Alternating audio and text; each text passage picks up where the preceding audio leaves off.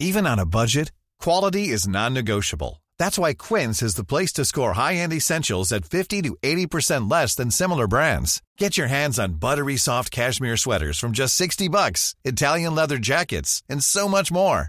And the best part about Quince, they exclusively partner with factories committed to safe, ethical, and responsible manufacturing. Elevate your style without the elevated price tag with Quince. Go to quince.com slash upgrade for free shipping and 365-day returns. Ever catch yourself eating the same flavorless dinner three days in a row? Dreaming of something better? Well, HelloFresh is your guilt-free dream come true, baby. It's me, Kiki Palmer. Let's wake up those taste buds with hot, juicy pecan-crusted chicken or garlic butter shrimp scampi. Mm. Hello Fresh. Stop dreaming of all the delicious possibilities and dig in at HelloFresh.com. Let's get this dinner party started. A lot can happen in three years, like a chatbot may be your new best friend. But what won't change? Needing health insurance. United Healthcare Tri Term Medical Plans, underwritten by Golden Rule Insurance Company, offer flexible, budget friendly coverage that lasts nearly three years in some states. Learn more at uh1.com.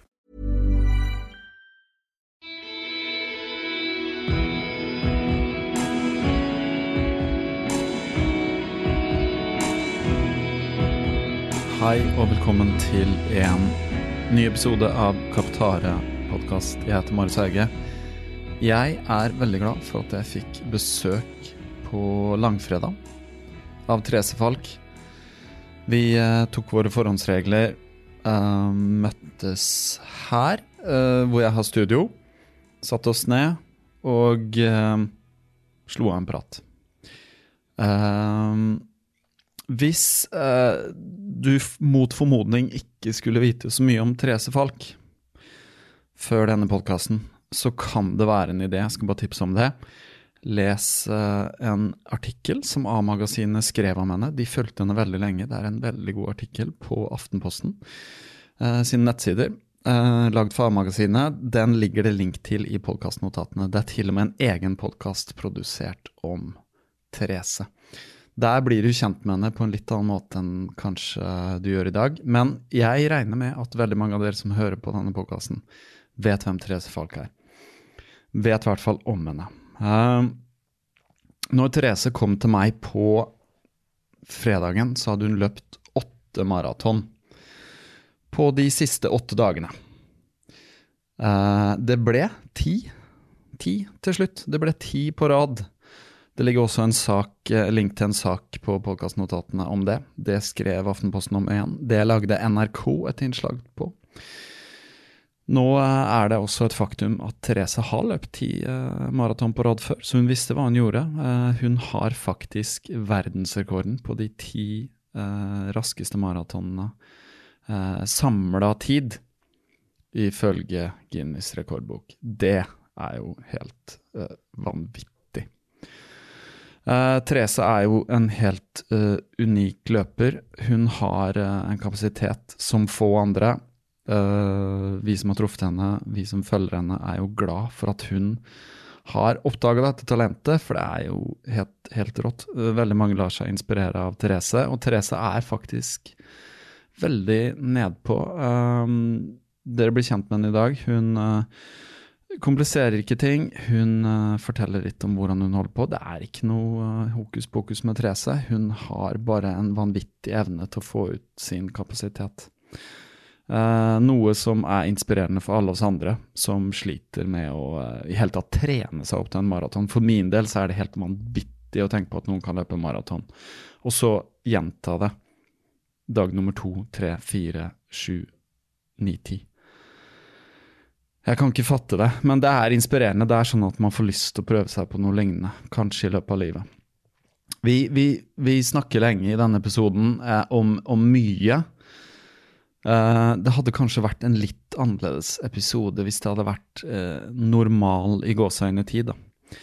Eh, jeg tror det var rett og slett Kanskje projiserer jeg, men vi hadde et lite behov begge to for å bare prate. eh, I disse tider hvor det har vært mye isolasjon, lite kontakt med andre, så var det godt å kunne sette seg ned og bare snakke med noen og ha, vite at det er på lånt tid. Uh, Men Therese hadde jo eh, løpt en maraton den dagen eh, med Magnus Toru, og allerede snakket mye. Så mm, hun er utholdende, Therese. Det merka jeg når vi satt og prata også. Så det er uh, noe helt spesielt med henne. Men hun vet, som hun sier, i, uh, hun vet hvordan hun skal restituere. og hun vet hva, hvor viktig det er med søvn, f.eks., som vi snakker om. Så denne, denne praten uh, Dere får bare Om dere klarer å høre den igjen, så er det en virkelig langtur. Men hvis ikke, så er det jo sånn som det er med lange podkastepisoder. Man kan dele de opp. Den går i alle veier. Um, den gjør det. det. Vi kommer innom mye. Selvfølgelig mye løping, mye andre ting også litt om Therese, hva hun driver med. Så uh, her uh, kommer praten med Therese. Håper det går bra med alle dere der ute. Uh, håper det går bra med immunforsvaret. Det er det vi er opptatt av for tiden. Går det bra med immunforsvaret? Hvis det går bra med immunforsvaret, så går det bra.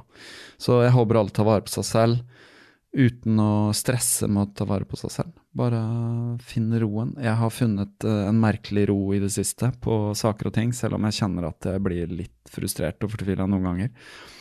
For det er krevende, det her, å, å, ikke kunne leve normalt i den rytmen man er vant til. Uh, nå har jeg fått en, eh, en, ekstra bonusdag rett etter påske, fordi det var jo uh, planleggingsdag på skolen. Så um, jeg må straks tilbake til min familie. Og så krysser vi fingrene for at ting kommer mm, sakte, men sikkert tilbake til normalen i mellomtiden. Så kan vi høre podkast og lese bøker. Jeg er litt nysgjerrig på hva dere leser. Er det noen som leser noe veldig kult som de har lyst til å dele, send en e-post til podkasten. Link i notater. Skriv leser, kanskje vi deler det. Um, uansett, ha en god, god lytt. Så bare sier jeg eh, velkommen, Therese Falk. Takk. Veldig stas å ha deg endelig her, da. For uh, du har uh, stått på min uh, liste og gjester lenge, og det er mange som har spurt etter deg, faktisk. Det er mange som har spurt meg ja, men hvorfor uh, ikke fått Therese faktisk? Jeg, jeg jobber med saken. jeg jobber med det. Vær tålmodig, så skjer det. Uh, så må jeg si takk til Magnus Toru, som du har løpt med i dag, som har uh, drevet litt lobby for meg. Han har drevet veldig lobby. Han har det. Ja. Han, han, er jo han, han, har ikke bare hjulpet meg med deg, han har vært veldig sånn Han burde ha, han burde ha. Så han er skikkelig støtter podkasten på Patrion og alt. Så takk, Magnus. Dere har løpt sammen i dag. I dag har vi løpt sammen. Og du har løpt uh, i, i, skrivende stund. I dag skriver vi langfredag, uh, påsken, år 2020. Og du har løpt Hvor mange maraton på rad har du løpt? Nå har jeg løpt åtte maraton på rad. Åtte på rad på åtte dager? Ja. ja. Hadde du Var det planlagt før påsken? At, nei. Uh, nei. Um, men um, det blir ikke Altså, det er en annerledes tid nå.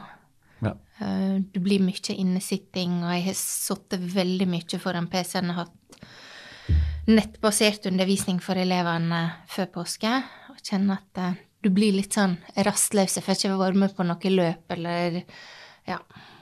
Så da ble det et maraton etter jobb på fredagen, og så tenkte jeg ja, ja, men da kan jeg ta et i morgen også.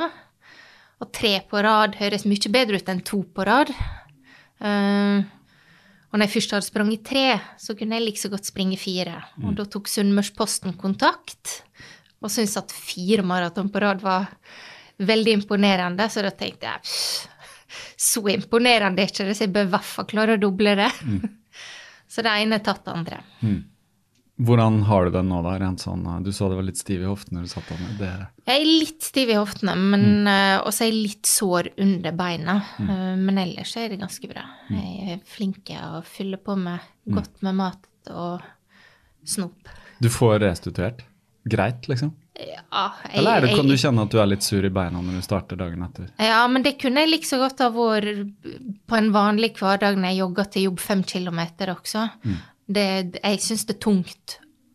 Og det, det, er ikke tull lenger når jeg mm. sier at maraton Altså den eh, dørterskelmila mm.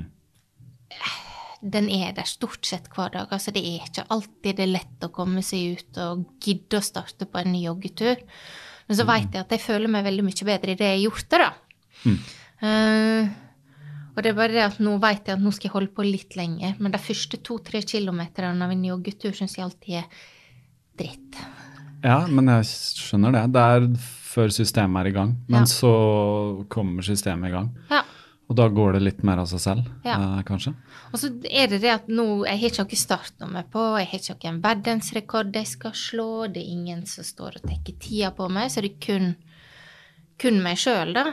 Eh, Men det er klart, når jeg møter folk i løypa, så er jeg ute og jogger eller sykler eller bare står der, og så roper etter meg 'Hvor mange er det oppi nå? Er det nummer seks?' Du blir gjenkjent? Ja. Ja. Uh, ikke av så veldig, veldig mange, men uh, de få som smiler og tommel opp og heier og kommenterer etter henne, jeg syns jeg er stor stas. Mm. Ja, men kult. Nei, du, du nevner at du løper til jobb eh, fem kilometer. Er det konsekvent? Det, det er liksom måten du kommer deg til jobb uansett, eller er det sånn Ja, i 90 av Ja. tilfeller Altså, det, jeg har sånn tre, tre til fire dager i veka. Jeg tenker at det bør jeg i hvert fall Mm. klare. For da jeg er fryktelig mye hyggeligere mot elevene og kollegaene enn jeg har fått jogga på morgenen. Så du gjør det litt for andre sin skyld òg, da, kanskje? Ja, denne morgengretenheten mi eh, Den mm, er Det er folk som har opplevd morgengretenheten min som litt ubehagelig, Ja. tror jeg. Så det er helt greit å få riste den av. Det er jo veldig menneskelig og veldig morgengretten, da. Ja. Uh, men er det fordi du er B-menneske, eller er det fordi Er det ditt lynne, eller er det Vet du Jeg tror det bare lynne Ja. Um, jeg veit ikke. Jeg tror kanskje jeg er en liten sånn hissigpropp Ja. innimellom. ja. Og da det blir Jeg blir litt jevnere når jeg jogger. Mm. Kan jeg si det? Litt sånn Ja, litt jevnere i humør og litt jevnere i Ja. I, ja, i, ja, i modus, kan du si. Mm. Men det er jo interessant eh, at du sier at du er lærer, for det er jo en helt spesiell tid nå. Uh, jeg har barn uh, som er hjemme, så jeg har opplevd dette her nå. Det har ikke vært så enkelt, tror jeg, verken for lærere eller voksne, men sånn som det har blitt løst for vår del, syns jeg har gått veldig fint. Men hvordan har det vært nå? Bare for å ta det først, siden vi er i en situasjon. Altså Hvis noen hører på det her seinere, så blir det et slags tidsdokument, men vi er tross alt eh, oppe i denne pandemien, og skolen har vært stengt siden 12. mars. noe. Ja. Ganske mange uker. Ja. Så da, da måtte dere bare Ok, nå må vi tenke nytt. Uh, så det har vært ganske intenst for dere lærerne, har jeg skjønt. Uh, Ja, for meg så var det bratt digital læringskurve. Uh, Det har litt med at jeg ikke er et digitalt menneske i utgangspunktet. Jeg trives ikke med å sitte foran en PC og ha et kamera på meg og en mikrofon og sitte med headsetet og, og sjekke ut ting. Jeg liker å stå i klasserommet, og jeg liker å ta på elevene. Jeg er en fysisk lærer. Um, og jeg tror på viktigheten av nærhet og klem. Selv om jeg jobber på ungdomsskolen, så tror jeg veldig mange trenger nærhet og kos. Og bli sett på og strøket på.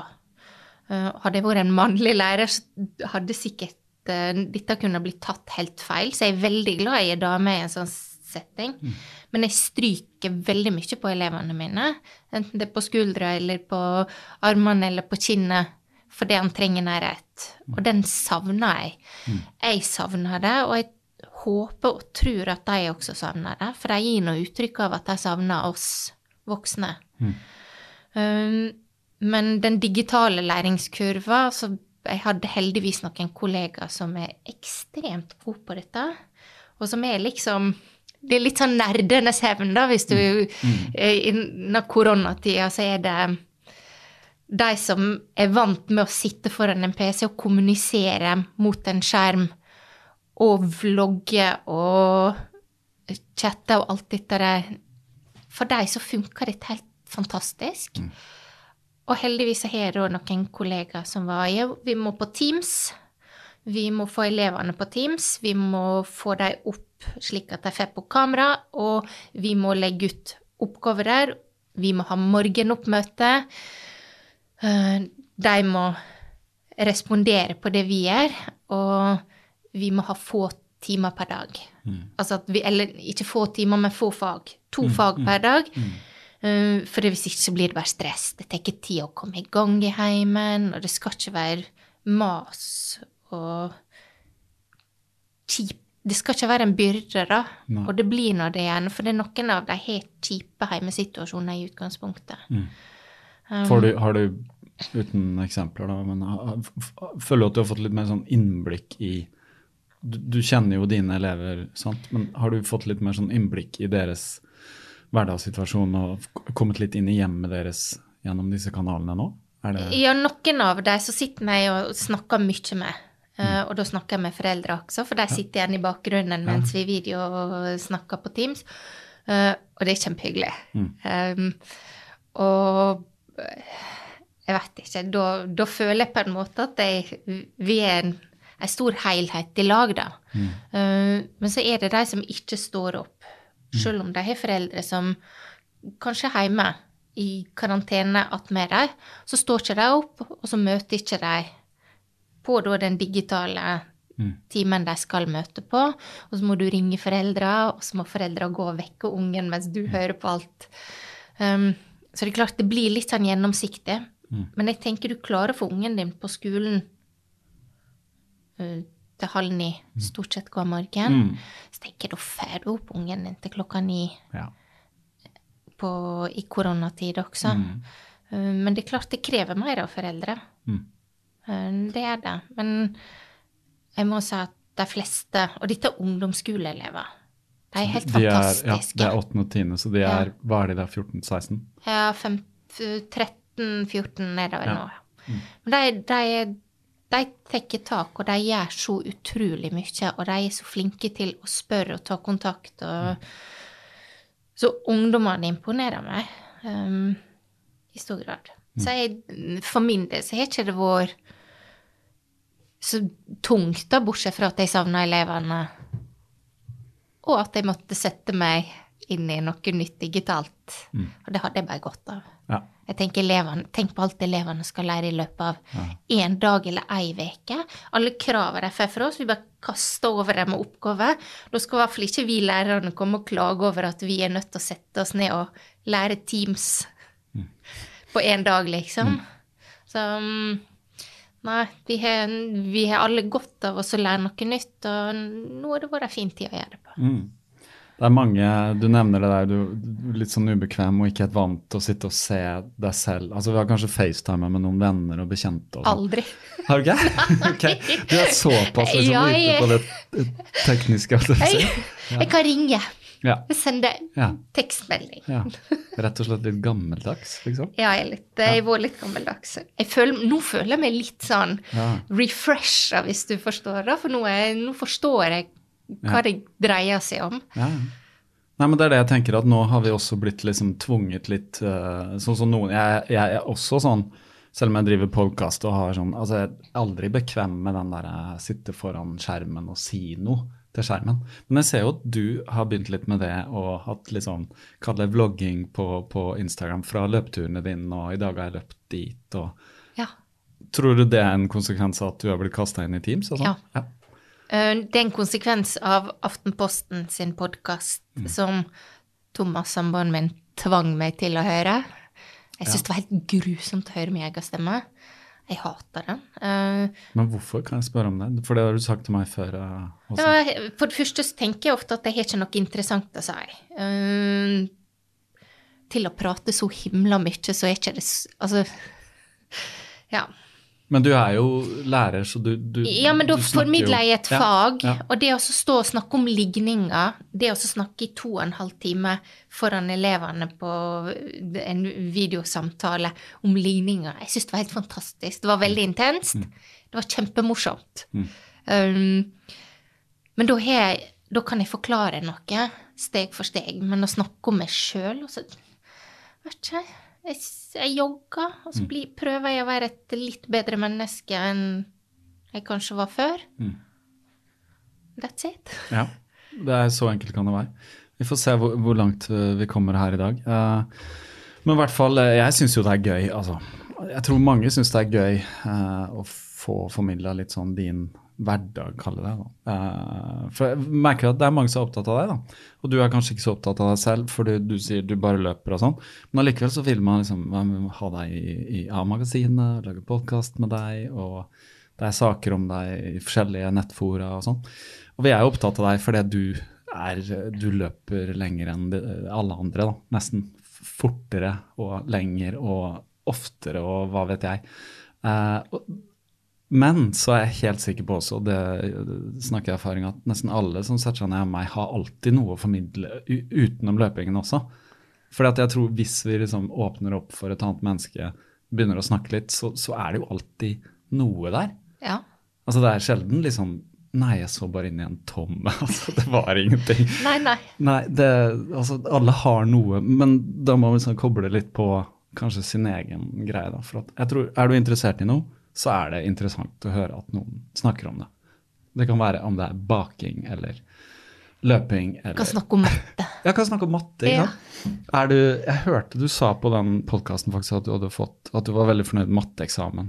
Ja. Du hadde fått EAB, B, ikke sant? ja.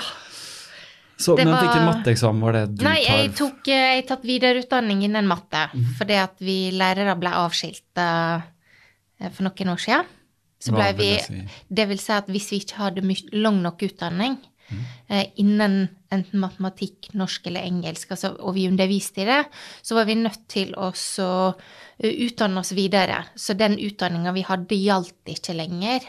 Så jeg kunne ikke undervise i matte med mindre jeg tok da eh, påbygning matematikk. Mhm. Aha. Eh, Så vi har nå fått dekt Jeg studerte matte 50% og så jobba jeg 60% og så fikk jeg 100 lønn. Eh, Og for meg var det en vinn-vinn-situasjon. Jeg syns det har vært helt genialt at vi er nødt til å lære oss noe nytt. Eh, Og jeg har blitt utrolig mye bedre. Både i matematikk, ikke minst, men også det med å kunne formidle eh, ting på en, og tenke over min egen praksis etter jeg måtte ta videreutdanning. Eh, men det var Jeg er ikke noe mattegeni. Det er ikke sånn at jeg ser liksom ting. Det, det var et dårlig knips. Der, der. Der var det knips. Nei, men jeg ser ikke løsninger sånn umiddelbart, og jeg, det er ikke noe sånt, men jeg har måttet jobbe ganske hardt for uh, den B-en jobba jeg beinhardt for. Hvilket nivå er vi på her nå? Nå er vi på Altså, jeg kan undervise til og med første videregående, Ja, tror jeg. Eh, Jeg har hatt om derivasjon og den type ting, men det er, ikke, det er ikke noe jeg er trygg på, så jeg tror ikke jeg skal begynne på realist eh, R1 og R2 på videregående og undervise der. Jeg eh, husker bare Altså, jeg var veldig opptatt av matematikk også. Er det for så vidt ennå, men det som skjedde med meg, var at eh, første gym på gymnaset da eh, gikk helt fint. Så husker jeg gikk samfunnsfaglig den gang. Det er sikkert helt annerledes nå, men det var samfunnsfaglig eller liksom Og da hadde jeg noe som het eh, 2MS. To matte samfunnsfaglig, da. Ja. Og når du sier sånn derivasjon og sånn, så er det noen gamle grå som eh, jeg kan støve av, som jeg husker noe sånn. Men der hadde jeg en lærer da, som ødela hele interessen. Ja. Forferdelig gammel, konservativ lærer som het Larsen. Som sparka i pulten til de som ikke hørte etter og var helt gærne, liksom, og klarte ikke å formidle. og Det ble bare kjedelig. Så da datt jeg av, dessverre. Så synd. Fram- Ja, litt sånn synd, men uh, har klart å beholde Altså, jeg er interessert i tall og Ja. Er du interessert i tall sånn forbi matematikk? Er det sånn tall som symbolikk og Ikke sant, de tinga der? Nei. Nei. Jeg er mer, egentlig mer interessert i elevene Mm. Eh, og den prosessen og det å formidle det. Mm. Eh, og det å få dem til å forstå det jeg ser, da. Mm. Um, og se logikken i det, og kunne bruke det på en nyttig måte. Mm. Jeg har fått prøve meg selv jeg, med min eldste datter som går i femte, som ikke er noe glad i matematikk. Hun er mer norsk og skrive og tegne den delen her. Men jeg har skjønt at det handler litt om eh, på en måte å bare knekke en sånn kode også. For jeg, merker at hun har litt angst forbundet med matematikken, fordi at det stresser henne litt. eh, når hun ikke skjønner umiddelbart, så føler hun på en måte litt sånn presset Mm. Akkurat som hun, hun, hun fortalte har fortalt meg at hun hadde en lærer som gikk rundt når de skulle løse regnestykker, og så stoppa han ved henne og så bare på henne. Og så var det akkurat som hun bare frøs. Hun kjente på en angst. Men den jeg, Ja. kjente jeg på når jeg tok videreutdanning også. Ja. For jeg er så redd Altså, man blir litt redd for å bli avslørt som dum.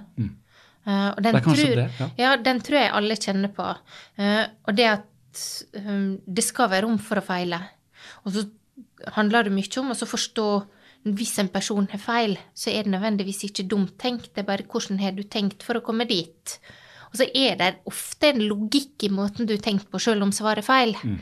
Og det er derfor det handler om at det er viktig at elevene skal på en måte vise hvordan de tenker, selv om svaret ikke blir på en måte mm. rett når du kommer to streker under. Mm. Uh, for de fleste tenker i grunnen ganske logisk på sin måte og har en eller annen god tanke bak det, mm. og så surrer det seg litt til, og derfor så kan svaret bli feil. Mm. Men det er klart det når du får Og matten er nå ofte sånn at du får rett eller feil på det. Mm. Ja, det er eh. ofte bare et, et svar som ja. ja. Men uh, det er derfor framgangsmåten er Det er viktig å vise hvordan du har tenkt, for mm. da kan du få Altså, da får du poeng. Mm. Uh, hvis du får forklart hvordan du tenkte. Ja. Det, det, hvis det er noe i ja. det. Jeg har jo en datter også i første klasse, og vi var på eh, Det var rett over nyttår, tror jeg. Så var vi på, på eh, skolemøte, hva heter det, foreldremøte. Og da snakka de veldig mye om regnestrategier. da. Mm. Altså Det var liksom strategien for å komme fram til svaret. Og da var jo den ene læreren spurte de voksne ja, hvordan tenker du sånn, og så måtte de forklare, og så merka at de ble litt svette òg. Ja, du blir jo svett. ja, ja, ja. For litt sånn uh, ikke sant? For det er ja. sånn så Kommer fort fram til svaret, ikke ja. sant? men vi kompliserer jo gjerne ting. da, For mm. matte er egentlig som du sier, logikk. da. Ja. Og det var sånn logikk er veldig Det er spennende. Uh, ja. Men nå sitter vi og snakker matte. Bare beklager, alle sitter og hører på. Alle som hører på, vil jo høre deg snakke om løping. Men kan vi ikke først ta um, Du har vært i Asia, du. Uh, nå begynner det å bli Nå er det sikkert en måned eller noe sånt siden. Ja, nå ja. er det en og en halv måned siden. Det er, det er dette med karantenetiden, ja, ja, så vi må passe på at vi Men det er jo litt interessant å snakke om, for at du var i Asia rett før vi her i Europa sånn skjønte at liksom ops. Ja. Men fortell, altså dette var planlagt uh, Dette var planlagt siden i august-september i fjor. Uh, for jeg kjøpte det i julegave til Thomas, turen bort. Um, hvor, hvor, gikk ferden? Den gikk først til Osaka, mm. og så tok vi tog til Kobe. I Japan, skulle, altså? Ja, ja, til Japan. Uh, skulle vi kose oss med Kobe-biff mm. mm, der. Men uh, så kom ikke bagasjen min fram. Uh, så da brukte jeg egentlig hele kvelden i Kobe til å finne noe klær. Mm. For jeg skulle springe maraton to dager etterpå mm. i Kitakuyushu sør i Japan, på Kuyushu-halvøya. mm så er det den største, ja, største av disse øyene en av de tre største i mm. Japan. Eh, så da var jeg bare rundt omkring og lette etter klær. Men hva skjedde? Ja, for det var Du måtte var sikkert stoppe over med fly, og så kom ikke videre, og så videre? Ja. ja. Um, og så reiste vi til Kitakuyushu og sprang eller jeg sprang, Thomas heia, som han alltid gjør. Og det løpet gikk? Det gikk, mm. heldigvis. Mm. Hadde dere hørt noe om Nei, i forkant jeg, det, eller noen ting? Uh, Thomas hadde hørt om det, det kan hende jeg hadde hørt om det, men jeg har gullfiskhukommelse ja. og syns egentlig så lenge Men det var Kina det var snakk om? Ja, det var Wuhan, og det var mm. ingenting i Japan eller Korea. Mm. Og så, etter vi hadde vært i Eh, på Kyushuøya så reiste vi over med båt til Sør-Korea mm. og var i Busan, eh, som ligger egentlig helt på sørspissen. Mm. Uh, fantastisk fin by. Vet du, det er kuleste byen jeg har vært i, nok en gang. Hva het den? Busan. Busan i Sør-Korea? Busan eller Busan, Bus ja. ja. En båttur fra Japan? Ja, Hvor lang båt? Tre, tre timer. Ja. ja. det er så nært. Ja. ja. Og så var vi der noen dager. Um, og var, spiste god mat og hørte ingenting om, om eh, covid-19. Mm. Og så når vi reiste tilbake, så ble båten stoppa på ei øy utafor um, selve fastlands-Japan, da. Uh, utafor Fukuoka. Uh, og da kom de inn sånn maskekledde folk og målte temperaturen på alle som satt der. Og da tenkte jeg OK. Og det var på en måte første møtet mitt med at nå nå kan smitten ha kommet til Korea og til Japan, liksom, for nå var de redde for at den skulle komme inn i Japan. Så alle ble sjekka. Uh, og så fikk jeg da vite at Tokyo Maraton var avlyst, og at en del andre store maraton var avlyst, men at foreløpig så skulle da det løpet jeg skulle springe på søndagen, et maraton i Himeji i, i, Japan, det skulle gå som planlagt. Mm. Og så fikk jeg beskjed et par dager før om at det også ble avlyst. Så du skulle løpe Tokyo Maraton? Nei, jeg Nei. skulle springe Himeji Maraton. Himeji. Ja. Um, jeg tenkte når jeg først tok turen, så fikk jeg to maraton. Mm. Men det ble altså avlyst? Ja. ja. Så da sto jeg opp og så sprang jeg en maraton før frokost ja. alene. Ja. Ja. for du er ikke sånn som oss andre da, som bare er OK, whatever, og da gjør vi ikke det, liksom? Uh, Nei, jeg syns det var greit å springe litt. Så visste jeg ikke helt hva løypa var, da, så jeg sprang, den med at jeg sprang rundt og rundt og rundt det eneste som er å se i Himeji, som er da et sånt slott. Mm. Borg. Mm. Det var Det var det. Ja. Helt ok. Men hvordan var liksom følelsen da, når det var snakk om dette viruset? Det var ikke noen som brydde seg så voldsomt, for det, det, var mange som organiserte sine egne på en måte liksom-maraton i Himeji, mm. som sprang i gruppe på 10 og 20 stykker. Mm. Um, og det Ja. Så det var, det var ikke sånn frykt eller uh, veldig mye maske, men alle hotellansatte gikk med maske. Mm. Uh, og så sto det litt informasjon, og så var det veldig mye håndsprit overalt. Mm. Men ingenting var stengt eller noe sånt. da. Nei. Var ikke det. Så reiste vi Ja, vi var i Hiroshima også en tur uh, før det, men der Ja. Merka egentlig lite til det. Mm. Var det sånn at dere oppsøkte nyheter for å holde dere orientert, eller var det mer sånn Dette er litt i bakgrunnen? Ja. Det, altså, vi, jeg har en samboer som alltid vil se på nyheter, men mm. de fleste nyhetene der borte, alt på TV-en var stort sett på japansk, mm. så vi mm. Da er det ikke vits i å se på TV. Nei, sant, så da må man oppsøke sånn nett, ja. Uh, ja NRK eller noe sånt. Nei, det kommer jo litt uh, brått på veldig mange, selv om man uh, det er jo sagt nå i etterkant at, av de som er eksperter på, på pandemier, da, at dette har vi venta på, liksom. Men allikevel så er veldig mye av verden lite forberedt på det. At det skal bli en realitet. Da. Ja, og så sitter vi sitter nå så ekstremt trygt i Norge. I hvert fall vi som er friske. Mm. Uh, så jeg tror ikke vi forstår alvoret uansett hvor mye Folkehelseinstituttet står på TV. Mm. Så sier det seg sjøl at når helseministeren er nødt til å på en måte skille statsministeren mm. og Camilla Stoltenberg fra håndhilse mm. når de sjøl skal stå der og oppfordre folk til å ikke ta på hverandre, mm. ikke være i nærheten av hverandre. Altså, vi, vi er så vant med å ha det bra, da. Mm. Vi er så vant med å få hjelp når vi trenger det. Uh, og dette her rammer ikke oss, tankegangen. Mm. Så for det er bare å gå ut på Grünerløkka, se når du at mm. folk sitter nå Ja, det, det, er mange folk. Mm. Ja, det er det. det er, det er. så rart også på sånn psykologisk nivå at plutselig er vi så bevisst på hvor mange folk det er. Selv om jeg er jo vant til Jeg bor jo her og, sant, på en lørdag, sånn masse mennesker. Men nå er vi så mye mer sånn Jøss, så mye folk, liksom. Ja. Hvorfor? Ja. Hvis jeg ser ut av vinduet nå, så ser jeg ja, I hvert fall tolv stykker opp på den balkongen. Det er vel de som har den konserten, tror jeg. Ja. Men ja, nei, det, det, er merkelig, det er merkelig. Men så har det jo tross alt, når det er sagt, da, eh, skrivende stund her nå, alt gått veldig bra i Norge, tross alt. Ja, jeg tror egentlig at folk, hvis folk skulle ha tatt dette på alvor, så måtte mange flere ha dødd. Mm.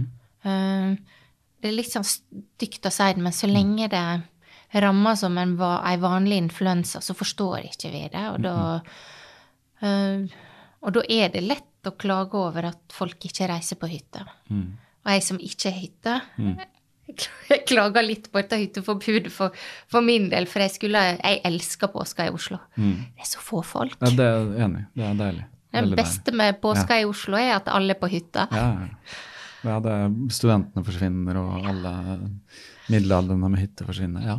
Nei, Så nå er det helt annerledes. Jeg merker jo også at jeg blir mye mer uh, Altså føler litt mer på klaustrofobien, da, liksom. Uh, over å være mer inne og være bare visse steder ute og veldig sånn begrensa hvem man kan treffe og tenke mye på Altså det er mye mer sånn Ja, nå begynner man å bli litt vant til det, men jeg merka særlig i begynnelsen, og særlig når skolen uh, stoppa også.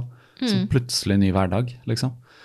Istedenfor at de gikk uh, på skolen halv ni, veldig sånn greit å forholde seg til, og så går man på jobb, og så plutselig så er det liksom nei, alle hjemme, og fullt fokus på undervisning og klare å liksom, ja, få førsteklassingen i gang, da, som helst vil sette seg med og leke med dokkene rett etter frokost. ikke sant? Det er ikke så lett.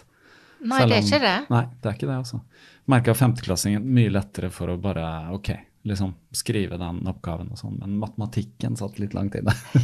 det det merka at det var liksom det første som Det ble ikke prioritert, da, så jeg har litt dårlig samvittighet, faktisk. Ja, det, ja, det var veldig fint å kunne få ha matte to første timene på mandag ja. morgen. Det var der vi starta. Ja. Og det Men eh, nei altså, jeg tror nok det er en del unger som har det kjipt nå. Mm. Jeg tror de har det Men de har tilpassa seg mye bedre enn mange voksne. De har, de har, tatt til seg reglene og tatt dette mye mer seriøst enn det veldig mange voksne har. Mm. Og vi fortsetter ofte gjerne som før å oppføre oss som idioter i butikken og mm. bare må ta på mm. alle melkekartongene før vi finner den som har lengst dato. Ja, det er litt sånn. Sjøl om vi skal drikke den samme dag. Mm. Ja.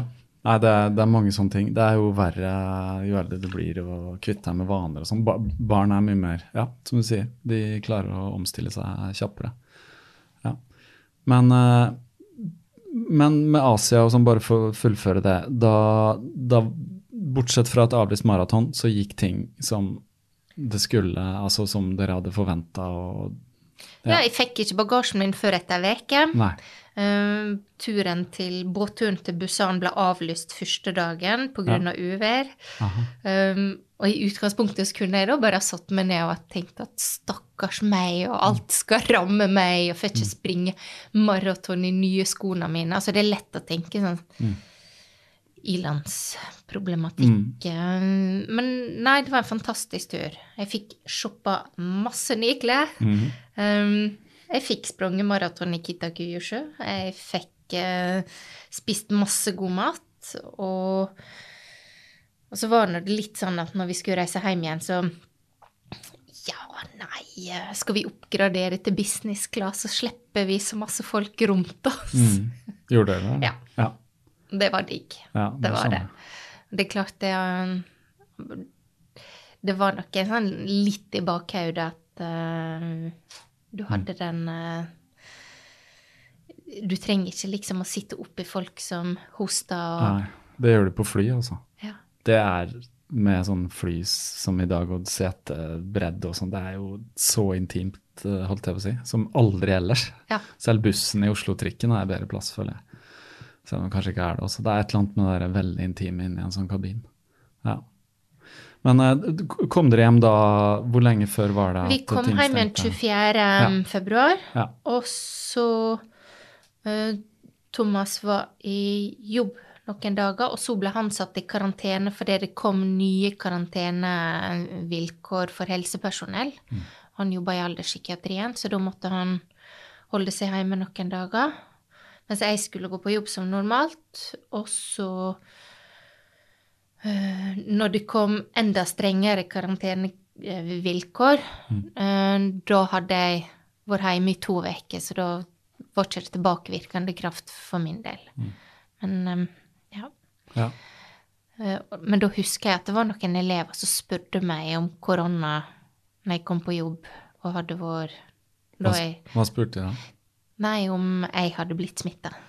Ja.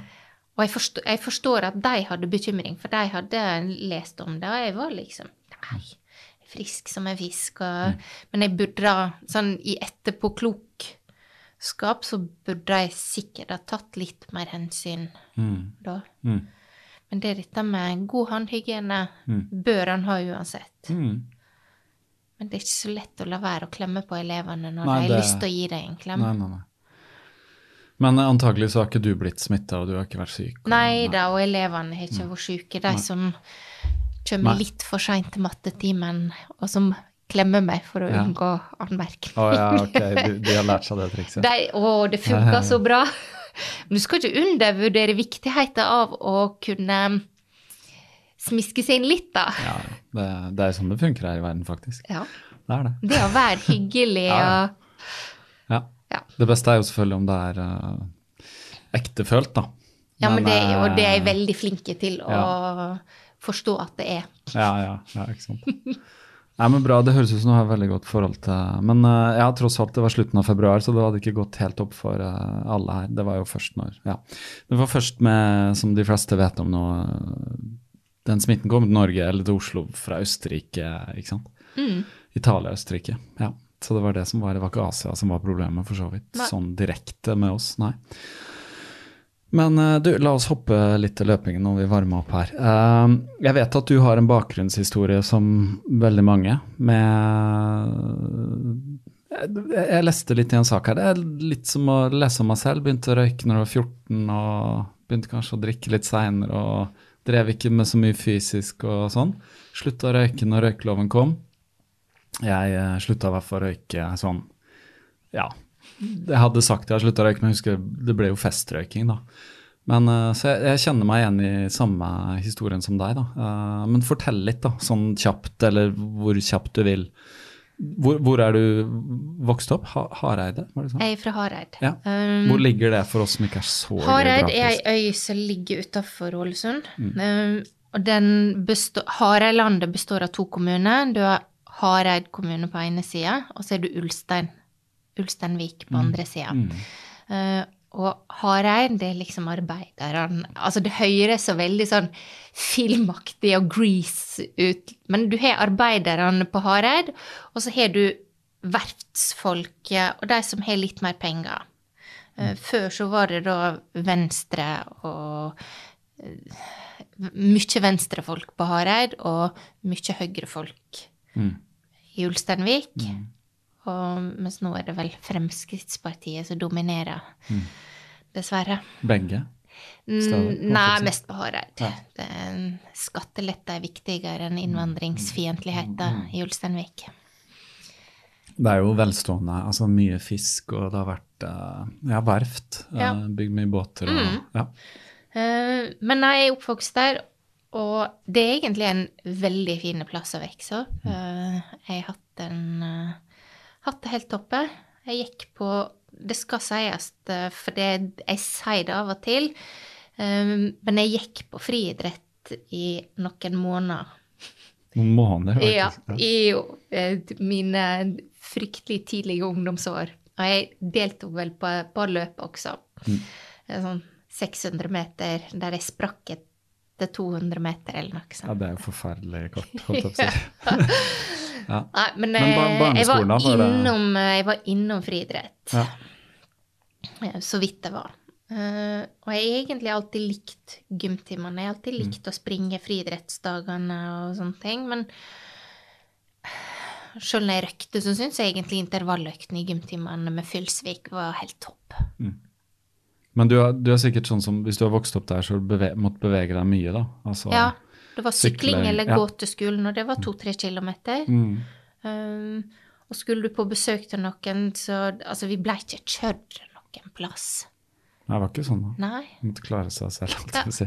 Ja, ja, men det Og, når jeg, og skulle han gjøre noe i lag med familien på søndagene, da var det søndagstur på fjellet eller rundt vannet. Mm. Ja, ikke sant. Så det er mye Ja, så det har nok lagt et slags grunnlag, da. Ja. Så har ikke røykinga ødelagt så mye som man uh, skulle tro. Uh, Nei. nei. Kanskje den øverste O2-kapasiteten, hva vet jeg. Men uh, den trenger vi ikke. Den trenger ikke du, i hvert fall. Hvis ikke du har planer om å løpe noe kortere enn maraton, men det har du kanskje ikke. Eller har du Du har løpt noen halve òg, vet jeg. Men, Jeg har sprunget ti kilometer også. Ja, ja. Hvor fort, det bare for moro skyld, hvor fort har det gått, da? 41. Ja, det er bra. Ja, på tredemølle klarer jeg fint på 39. Ja, ja det er bra. Jeg så at du har løpt halvmaraton på 1,30. Jeg syns det er enda mer imponerende, fordi jeg syns det er hardere på en annen måte. Ja, men der, og der har jeg 1,26 fra tredemølle Å, å, to ja. ganger. Ja. Uh, så det irriterer meg at jeg ikke kom til under 1,30 der. Eh, for jeg uh, det, Men det er klart, det skal klaffe på dagen. Og, Mm. tredemølle, uansett om du har litt stigning, halv prosent, Mm. så er det likevel eh, lettere. Du er ikke motvinden. Nei. Og det er lettere å holde farta, fordi at den går jo. Den går. Ja. Det er bare du er stuck der. ja, du er stuck skal, på ikke, den. skal ikke trykke på noen knapp nå. Nei, nei, nei. Nei, det er liksom det, det, er, Jeg har veldig lite erfaring med tredemølle, men jeg har ikke blitt dus med liksom å måtte løpe etter båndet. Det er det jeg føler jeg gjør, da. Og jeg elsker tredemølle. Ja, du gjør det? Ja. Nei, men det er en fordel. Hvor er det å løpe på tredemølle, da? Nå er det på Fresh. Ja. Um, enten på Ensjø eller på Ullevål. For det, der er en på Ullevål ved siden av jobben på Fagerborg skole. Um, og på onsdagene, da har jeg en midttime, altså en fritime, etter storefri. Så da rekker jeg å trene i storefri og få dusja igjen før møtet. Og det gjør du fast, eller? Nei, men ofte. Ja. Ja, det er jo der hvor du får tid. Hvor, hvor langt Hvor mye rekker du på Det varierer hvor effektiv jeg er. Ja. Men uh, det blir ikke en halvmaraton, da. Det blir ikke? Nei, Nei. det rekker ikke. Nei da, men du får Du legger inn noen gode kilometer der, liksom. Ja, og da det blir noe mer fart da, når det er på ja. tredemølle. ja, det blir liksom mer som en tempoøkt, liksom. Ja. Ja. Nei, så jeg liker godt tredemølle. Uh, Syns det Jeg savner Jeg kjenner jeg savner det nå. Har du, har du vurdert å få deg en hjemme? Nei, jeg bor eller? i fjerde Ja, etasje. det, er helt, det blir helt vilt liksom å få den opp. Ah, det, ikke det er helt vilt kanskje. mot naboene under. Ja, det er det. ja. Ja, for den lager jo, ja. Det lager en del lyd, altså. Ja, altså, jeg, de hører nå bare kattene mine går over gulvet, oh, ja, okay, så det ja. ja. ja, nei, da er det helt uaktuelt med tredemølle. Du får sette den på jeg vet ikke, kjelleren hvis dere har noe sånn. eh, Ja, nei. Nei, det blir kanskje ikke så hyggelig. Så, så lenge du får inn liksom, noen økter på tide og sånn, men det, det virker jo som det er kanskje ikke eh, for det meste på tredemølla du løper da. Du løper, det er mest transportetappene dine og sånne ting. Mm, det er mye transportetapper. Um, det er klart det blir ikke kjempemange kilometer i løpet av ei uke, men enten 30-40 Mm. 50 kilometer eh, til og fra jobb. Og så er når det I helgene så er det veldig fint å altså gå og springe på ei tredemølle eh, i en time eller to. Mm. Og ha sånne progressive bølgeøkter, som jeg kaller det, da. Mm. Er det sånn ferdigprogrammerte ting? Nei, du bare- da jeg har mine egne Jeg har veldig sjelden plan når jeg går bort. Jeg tenker bare at jeg skal stille tredemølla på 13,3, og så øke tempoet etter hvert. Det er 13,3 km i timen. Ja. Ja. Um, For det er fint bare å begynne på, liksom. Det er jo fort, da. Ja, men Mm. Altså, på tredemølle så kjennes det helt annerledes enn ute. Mm. Ute så går det sakte første kilometeren, Mm. men inne så syns jeg at det er helt fint å starte på 13,3. Jeg forstår ikke hvorfor.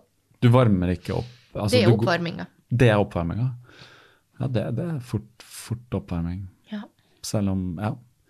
Nei, jeg, jeg begynner Altså hvis jeg, jeg Jeg ser konsekvent at hvis jeg tar på meg sko og går ut, så løper jeg alltid på seks minutters kilometer de første to, og så Mm. går det Det er oppvarmingsfarten min.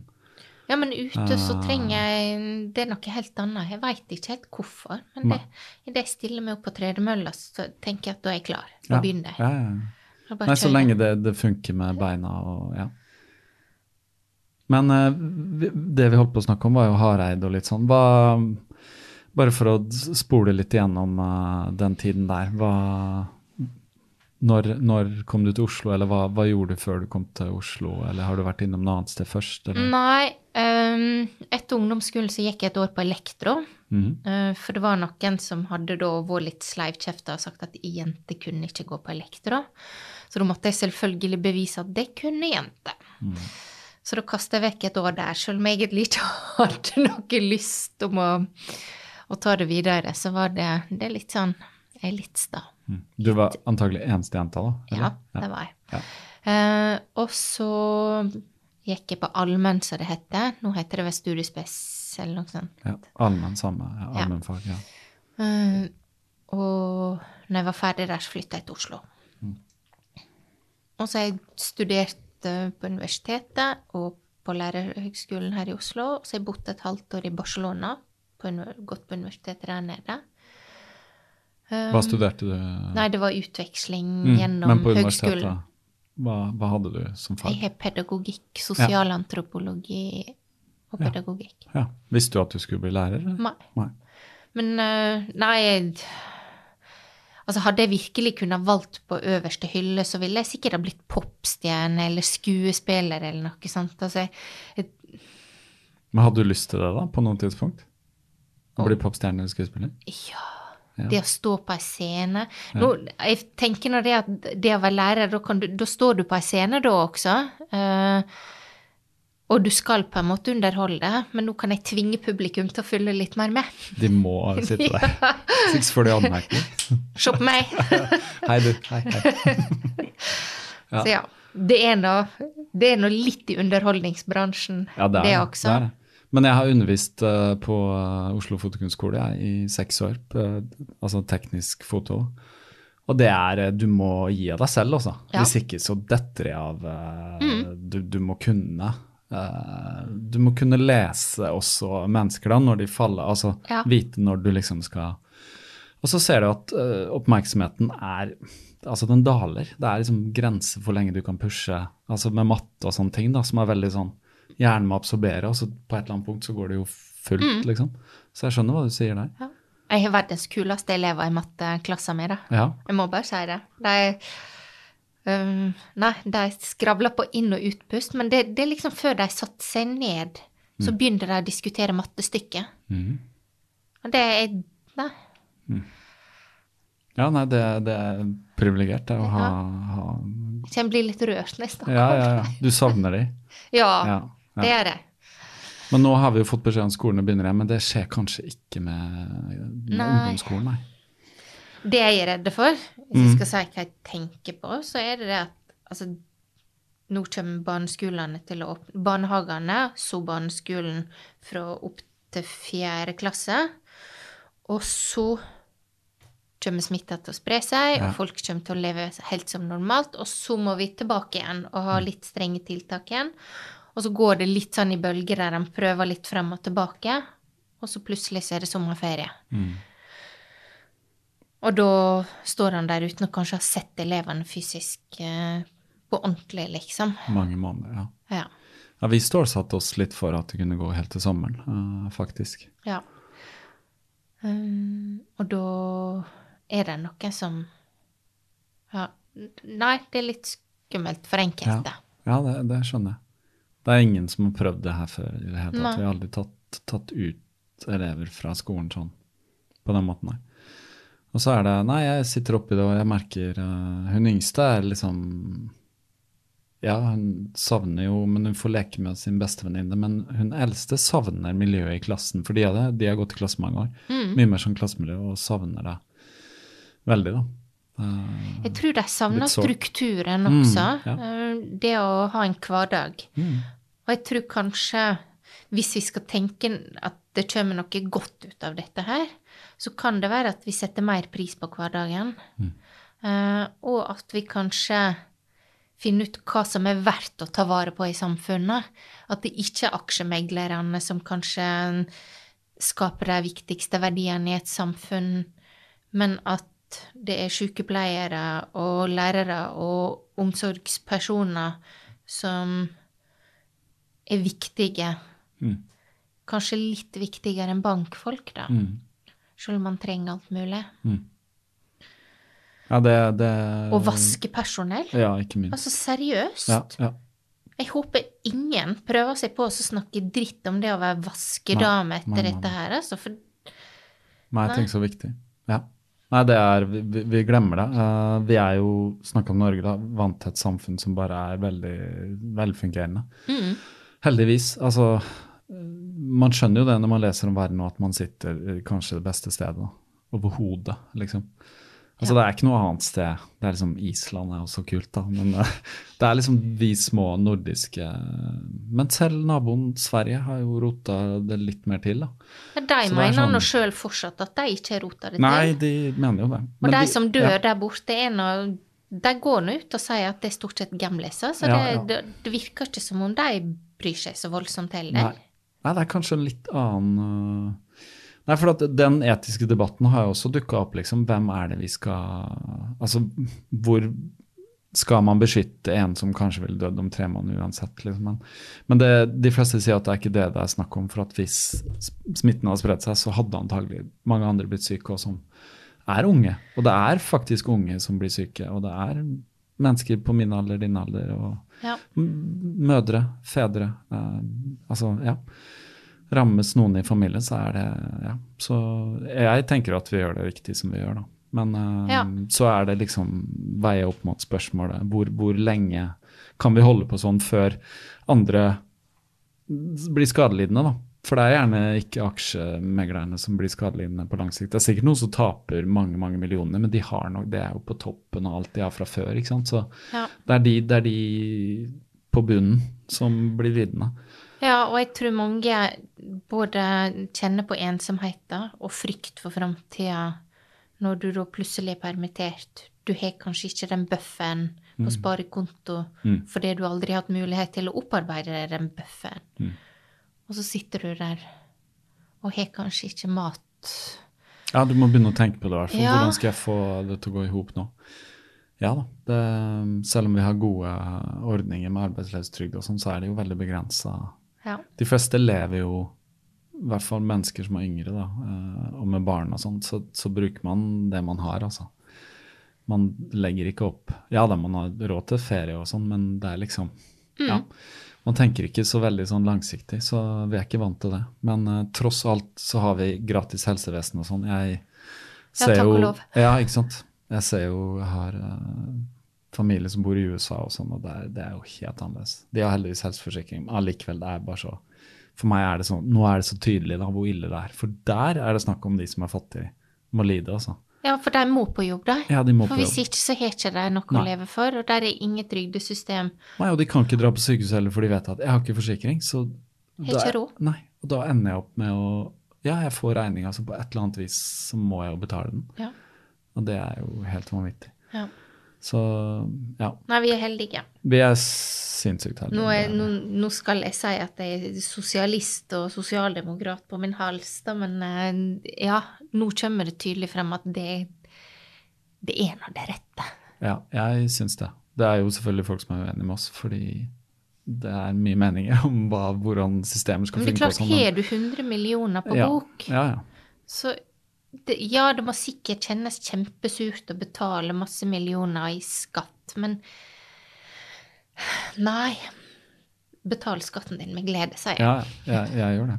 Eh, Eller man glemmer jo at man betaler den. Den, den blir jo bare trukket, liksom. Ja. Og det er greit, jeg aksepterer det fordi at nettopp dette Altså det er Det går utover um, altså fellesskapet. Ja.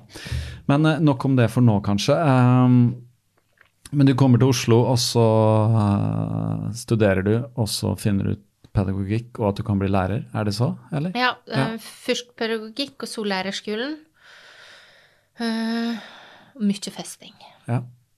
Nei, men uh, husker den, holdt jeg på å si. Ja. Det var uh, ikke noe trening og Jeg husker jeg var oppe i sånn 76 kilo eller noe sånt. Det, var, det er ganske heftig på 1,64 høye meg. Men, eh, og så skulle jeg inn i bunad. Oi. Ja. Det, det gikk ikke. Nei. Da, da sto jeg faktisk opp og jogga i et halvt år før eh, den barnedåpen jeg skulle, skulle. Så Mm. det var Var det starten da, Nei. på løping? Nei, men, men da, da, nei. da trente jeg på universitetet. Mm. eh, På en sånn morgengym, sikkert aerobic eller noe sånt, Mm. eh, før forelesning. Og så lot jeg være å spise etter klokka seks på kvelden. Så jeg kom, jeg klarte å skvise meg inn i den bunaden, men Mm. det var, måtte jobbe for det. det var på hengende år, Ja, altså. ja. Men det, du er ikke alene om den historien, da. Altså, ja. røyking og festing og kanskje mye stillesitting og studering og ja, det er oppskriften på Ja. Ja. Men uh, Det var gøy så lenge det varte. ja, det altså Kan ikke angre på noe Nei. sånn sett. Det er, studietiden er at- Ja, jeg syns man lærer veldig mye av det. Sosialt lærer man veldig mye da, men, av den tiden der, uh, syns jeg. Det var i hvert fall sånn jeg oppfatta det. Ja, det Altså, jeg må nå helt ærlig si at jeg er fryktelig glad for at det ikke eksisterte smarttelefoner på min, min ungdomstid. Mm. Det, det hadde ikke vært vakkert. Hvordan ville Nei, det vært annerledes? Nei, med telefoner, video og Både hva jeg kunne ha funnet på å legge ut sjøl, og hva andre kunne ha sett. Mm. Nei. Ja, nei, det, det, det ser du kanskje også litt gjennom yrket ditt, for du ser hva de holder på med med Ja. telefonen, ikke sant? Ja. Er det mye som du syns er Nei, jeg syns de er mye voksnere enn det vi var. ja, ja. Enn det jeg var. Men det er kanskje å bli tvunget til å forholde seg til ting litt fortere enn oss. Ja. Men jeg forstår veldig godt at de legger ut bikinibilder av seg sjøl, eller sender puppebilder av seg sjøl, eh, hvis de får rette tilbakemeldingene fra den rette personen. Mm. Det er det, Er du ungdomsskoleelev, så har du behov for Og det gjelder ikke bare ungdomsskoleelever, men du har liksom behov for å få bekrefta at du, du er bra, eller du er pen, eller du er flink, eller du er Altså et eller annet. Mm. Det er ekstremt behov i den alderen der. Ja. Det er mye usikkerhet, så man lever på å få bekrefta. Og så er man veldig redd for å være kanskje annerledes, da. Mm. Så man prøver liksom Ja. Men det er tøffere, jeg vil tro det er tøffere for ungdommen i dag enn det var for oss. Ja da, vi var gjenger, og det kunne komme kommentarer, og jeg ble alltid Altså, jeg var liksom motsatt, da. For jeg har alltid vært tynn. Så for meg så var det sånn å ta meg på i bar overkropp og være sånn, du vet, tynn, det var litt sånn kompleks for meg, da. Fordi liksom ribbein og hadde ikke brystmuskler og skjønner du. Så det var sånn Nei, eh, for meg så er det altså det er helt uforståelig at noen kan ha kompleks for å være for tynne. Nei, men jeg var det, for jeg fikk Ja. høre det, ikke sant. At Ja. Du er så tynn. Og det sa jo tanter og sånn nå, ikke sant. Bare sånn kløp i meg. Du er så tynn, nå må du spise mer og sånn. Men jeg, bare, jeg spiste jo som fy, jeg. Jeg Jeg er så misunnelig på folk som kan spise det de vil. Ja, jeg kan det.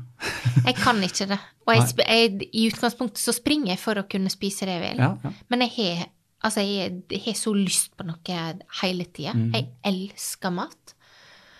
Så nei, altså for meg så er det helt uforståelig at noen kan synes det er et problem å være for tynne. Men, Nei, men det eh, er rart. Det kan men aldri- Kanskje ikke hvis jeg hadde vært jente, men siden jeg er gutt, og det er mye mer sånn at det liksom, det er noen sånn maskuline prinsipper at man skulle være litt sånn tøff og sånn, og jeg følte meg aldri som en tøffing, så da fikk jeg sikkert litt kompleks for det, da. Men jeg må si at det, det er fort glemt når du får en kjæreste og hun liker deg som du er, altså. Det må jeg si. Så heldigvis gjorde jeg det. Så.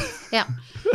så da var det liksom det har aldri vært noe stort problem for meg. Og nå er det bare greit, liksom, å være Det er lettere å springe, da. det er mye lettere å springe, ikke sant. Men uh, selv for meg nå, som er i midten av 40-åra, så merker jeg jo at nå begynner jeg faktisk å legge litt på meg. Uh, jeg tror det er noe med metabolismen. altså Den har gått på høygir alltid, liksom. Og nå er den, den kanskje roer seg litt. Det er et, jeg merker i hvert fall at jeg, jeg, kan, jeg kan legge på meg litt mer nå. Ja. Så, men jeg, jeg, begrenser ikke noe inntak. eller noe sånt. Men jeg, altså, jeg lever jo sunt. Da er jeg liksom opptatt av god mat og sånn. Hel mat, da, for å si det sånn. Men jeg spiser jo kall det godteri, og jeg spiser jo på en måte Ja. Jeg, jeg begrenser ingenting, Nei. sånn sett. Uh, ja. Jeg lever delvis sunt, og så lever jeg delvis veldig usunt. ja. Men det er litt sånn som vi har det alle sammen, uh, tror jeg. For vi har også tilgang på alt, da. Og det er ingen som liksom begrenser oss. Ingen foreldre lenger som sier noe, eller Nei, ikke sant. Men jeg vil jo tro at det er eh, Det er bedre å løpe for å spise det man vil, enn å på en måte sitte der med dårlig samvittighet for at du spiser. da. Altså det, jeg skjønner godt hvordan du har det, for at nå i denne koronatiden nå, så har jeg vært mye hjemme, og så har vi hatt bestilt fra Kolonial og hatt mye ekstra som passer på at det er litt sånn det er litt sjokolade, og det er litt sånne nacho chips og dip og sånt. Så liksom, hvis jeg har vært ute og løpt, så er det liksom veldig sånn Ja, jeg kan jekke en øl og liksom spise litt nacho chips, og det, det føles på en måte bedre enn hvis jeg ikke hadde gjort noe, og så begynner å spise. Skjønner du hva jeg mener? Ja, jeg er helt enig. Ja. Men jeg hadde fint klart å spise ganske mye likevel, bare at følelsene er bedre. ja. Følelsen av det er bedre. Ja. Den er det. Og det har mye å si, da. Så slipper man av dårlig samvittigheten og alt det der. Ja. Men jeg har jo klart å gå opp tre kilo på disse åtte dagene jeg sprang maraton. ja det, vet du hva, det så jeg du så på Instagram. Det er, helt, på, det hvordan er så mulig? imponerende. Ja, det er imponerende. Når kroppen har bare suget til seg eh, Det kan ha noe med alle kokosbollene jeg dytter i meg, men kokosboller er bare sunt. Ja. Men prinsippet med kokosboller er at det er eggehvite. Ja. Eggehvite er protein. ja. Bare sunt. Men det er eggehvite, fett og sukker? Eggehvite. Hovedingrediensen er luftig eggehvitt, og så Ja, er veier det, det ingenting. Nei. Nei de, hvis du kjenner på en kokosbolle, så veier den jo veldig lite. Nei. Nei, det er sant. Det er, det er faktisk lenge siden jeg har smakt en kokosbolle, men det er godt, det. Ja. Nei, det, det er imponerende å gå opp tre kilo. Men da har jo kroppen din sånn Shit, altså, hva er det som foregår her nå igjen? Er den litt sånn noen ganger? At du kjenner at uh... Nei, stort sett, altså jeg går opp Stort sett når jeg springer lange løp, så går jeg opp. Ja. Så det, jeg tror kroppen min bare holder på. ja. Jeg tror det er sånn når vi snakker på sånn, forskjell på kroppen Noen er sånn som deg, at den er god på å lagre og sånn, og det tror jeg er helt genetisk, for å være helt ærlig. Det virker som Noen har veldig sånn at de kan lagre og sånn. Jeg klarer ikke å lagre fett på samme måten. Men det kan være at jeg, eller min genetiske linje, kommer fra eh, La oss si Sør-Europa, da, hvor de har tilgang til mat hele tiden, og så kan det være at du er en annen sånn jeger-sanker hvor du måtte gå store deler av året uten mat. ikke sant? Hvem vet? Altså, det er bare forskjell på oss. Ja, jeg kan skylde på Nei, jeg er sjanker. Kroppen min Ja, ja, ja. lagrer. Ja, noen lagrer jo, ja, ikke sant. Og det er jo og det hvis, jeg- hvis det skulle bli skikkelig gærent, da, en, liksom, hvis jeg tilgang, ikke har tilgang på mat og sånn, så er det jeg som stryker med. Altså, jeg Først, tror nå så- egentlig at eh, det hjelper meg veldig når jeg springer de lange løpa. Mm. Du, du klarer Ja, for det er jo interessant å komme inn på. Du løper jo Du har løpt uh, rett under 237 km på 24 timer, tror jeg. Ja. Ja, sant? Og det Altså, der har du noe unikt, sant? Så du må jo ha evnen, selv om du spiser underveis, så har du ikke sjanse til å få i deg så mye kalorier som du forbrenner i løpet av en sånn tur. Altså, Nei. så, Eh, så, så kroppen din har nok en evne, da. Har du tenkt på det, eller reflektert over det, eller er det Ja. Ja. Eh, altså, jeg reflekterer ikke så veldig over det, bare at jeg Ja. ser nå det at jeg står mye ofte lenger i det. mm. Eh, og spesielt på sånne etappeløp så fungerer kroppen min helt fint, der jeg skal springe dag etter dag. Mm. Enten det er i fjellene i Spania eller i Italia Mm. eller Bømlo Ultrafestival, så Mm. syns jeg at kroppen min syns det er helt fint, egentlig, å starte opp igjen og springe dagen etterpå. Mm. Men det, så, så det er én ting, men det, det må jo være noe Jeg bare tenker på sånn Du klarer å stå opp altså Du er på Bømlo Ultrafestival og løper 300 og noen kilometer eller noe sånt på Mm. Det har vært fem dager. fem dager. sånn. Som ikke er så ekstremt som å løpe to, nesten 40 på 24 timer, men allikevel. altså jeg tenker sånn, Men hva med altså For veldig mange andre av oss dødelige så er det sånn vi ser at den, Noen ganger så er bare beina altså det er sliten liksom, i kroppen. sånn, Så kan jeg gå ut og løpe. Ja, det funker, liksom, men det er en tøff økt. da, så kan jeg bare glemme å ta en, eh, en intervalløkt, eller jeg må bare løpe. Er det aldri sånn for deg at du liksom føler at faen, jeg er skikkelig, altså skikkelig sliten, liksom? Dagen. Jeg, jeg har hatt flere sånne dager i det siste. Ja, det, så du er menneskelig tross Ja. alt. Ja. Men det går helt Altså, det er bare å roe ned tempoet litt, da. ja. For det handler mye om det, sant? Der er du god. Du klarer, du har funnet tempo. Altså, du er veldig Du er god på å løpe jevnt, da. Jevnt Ja. fort, liksom. Eller Ja. holde et, et tempo. Og det virker jo som det er Og du virker ikke som du har særlig mye skader. Nei. Du Men Og der tror jeg egentlig at søvn Mm. Søvn og mat Du skal Altså, du kan gjerne kopiere måten jeg trener på. Mm. Uh, og det er enkelte som spør meg om hvordan jeg tenker når jeg trener, og hvordan jeg planlegger, og hvorfor gjør jeg den økta eller den økta. Mm. Jeg har ingen tanke bak det. Seriøst, ingen tanke når jeg stiller meg opp på ei tredemølle og finner ut at jeg skal springe tre ganger sju kilometer progressivt, liksom. Um, så det er, ikke, det er ikke noen plan bak det, eller en strategi, eller noe sånt. Men å legge meg tidlig, nok søvn Jeg sover ca. ni timer hver natt. Ja. Uh, og det å få i meg nok mat, det tenker jeg er det aller viktigste. For du sliter ut kroppen. Mm. Uh, selv om jeg ikke er kjempesliten, så du bryter ned kroppen når du er på joggetur dag ut og dag inn. Og hvis du kjører deg sjøl hardt, så ja, det er viktig å belønne kroppen med å kunne Mm. slappe av, da. Spise og, og Ja. hvile den. Og hvis du ikke får sove i ni timer, så bare det å ligge og kjenne på at nå skal ikke du gjøre noe på lenge, nå skal kroppen bare få ligge, lese boka. Så det hvile er også viktig. Hvordan har du noe Jeg har vært litt opptatt av søvn i siste. Jeg leste en hel bok om det. og sånn. Hvor viktig det er, da. Mm. Jeg, jeg mener at Altså, søvn er kanskje ja, er... Hvis jeg skal anbefale noen som helst å kopiere noe fra meg, Mm. sov nok. Mm. Og ha rutiner på det også? Ja, eh, jeg, det høres nå fryktelig dølt ut. Jeg bruker å si at jeg legger meg klokka ni. Mm. Eh, Det skjer at jeg har lagt meg før også. Men hvis jeg skal opp klokka sju, eller jeg står opp kvart på sju, da er jeg ute av døra klokka sju. Hvis jeg skal jogge til jobb. Mm. Eh, og hvis jeg da går Begynner jeg meg klar til senga klokka ni, Mm. eh, så skal jeg lese litt, og så skal jeg Ja. Det tar alltid litt tid. Det gjør det. Når man legger seg når man sovner, er ikke akkurat samme. Nei, det er ikke. Det, men jeg ser ikke mye på TV. Nei. Um, ligger ikke med mobilen Det i senga. det er det som er tyven. Vet du. Sånne serier Ja. og ting. At man begynner å se på noe seint. Ja. Ja. Hvis jeg skal legge meg tidlig, så må jeg bare slå det fra meg.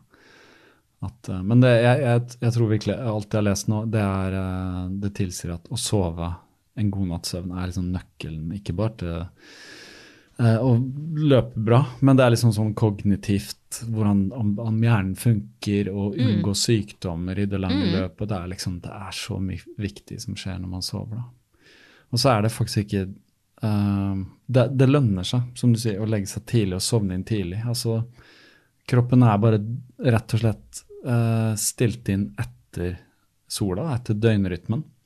Og du får en viss type søvn tidlig på natten og en annen type søvn seinere. Altså, du får mer det de kaller NREM-søvn tidlig på kvelden. Altså ikke um, rapid eye moments, ikke drømmesøvn. Eller du har kortere fase med drømme. Og da liksom er det veldig mye fysiologisk som skjer. Renske ut døde celler og da, da, da, bygge opp muskelmasse igjen og alt det der. ikke sant? Protein i arbeidet sånn. Og så på slutten, altså seint på natten og tidlig i morgen, da er det mer drømmesøvn. Så da skjer det mye opprenskning i minner og sånne kognitive ting, og læring og strukturere ting, og hva hjernen skal kaste og hva den skal ta vare på. Altså, det er fascinerende mye som skjer. Da. Og hvis ikke du får nok av det, så vil ikke du klare å komme dit du kunne vært, da, potensielt.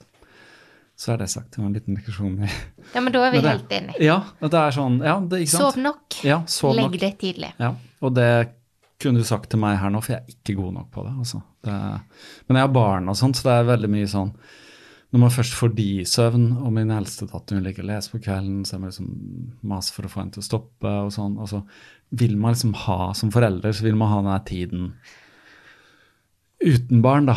Så det er jo litt der det havner. Og det er veldig mye sånn av mine venner som har barn, og så er det sånn Å, må ha den tiden etter barnet har lagt seg, for du har hatt det gående enten jobb og sånn hele dagen, ikke sant. Så ja. Døgnet har nesten for få timer, men jeg tror hadde den hatt flere timer, så hadde vi kanskje ikke vært noe bedre på å sove. Så, men det er jo fantastisk å stå tidlig opp når man er opplagt, da.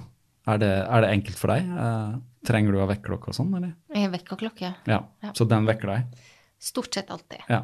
ja. Men um, det går Altså De gangene jeg er veldig flink til å strukturere um, leggetida mi, Mm. så merker jeg at da våkner jeg egentlig av meg sjøl et minutt eller to før klokka. Mm. Ja, så da, for det, det er også noe den boka sier, at det lønner seg å våkne av seg selv.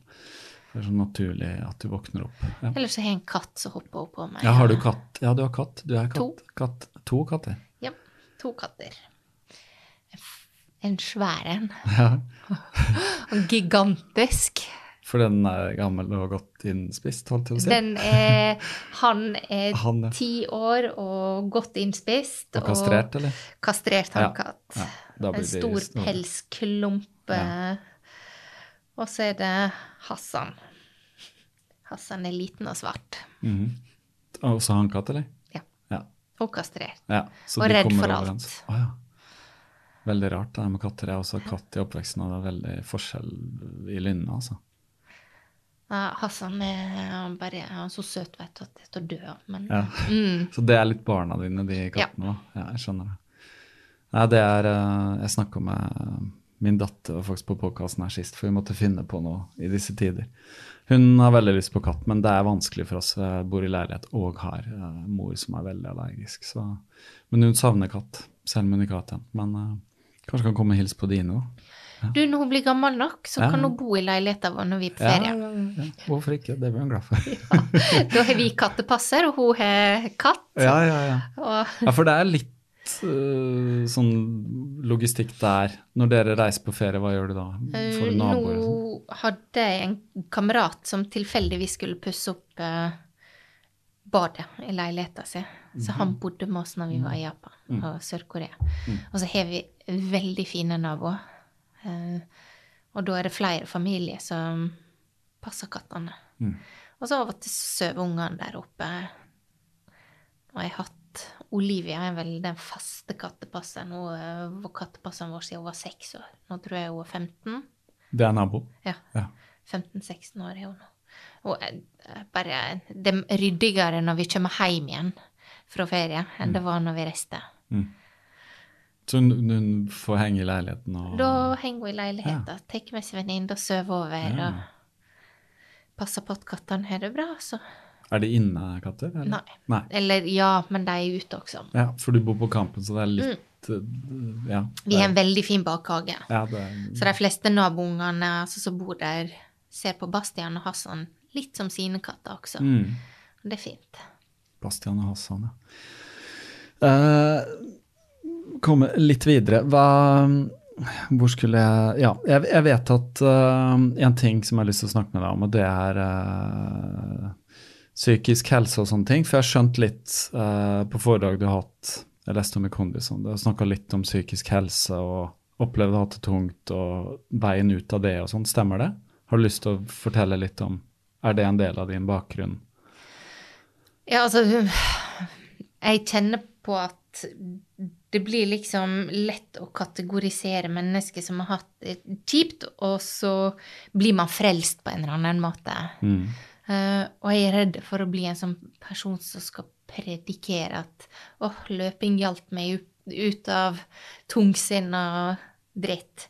Men eh, Og så er det veldig mange der ute som har mye mer spennende historier, dramatiske historier, enn det jeg sjøl har.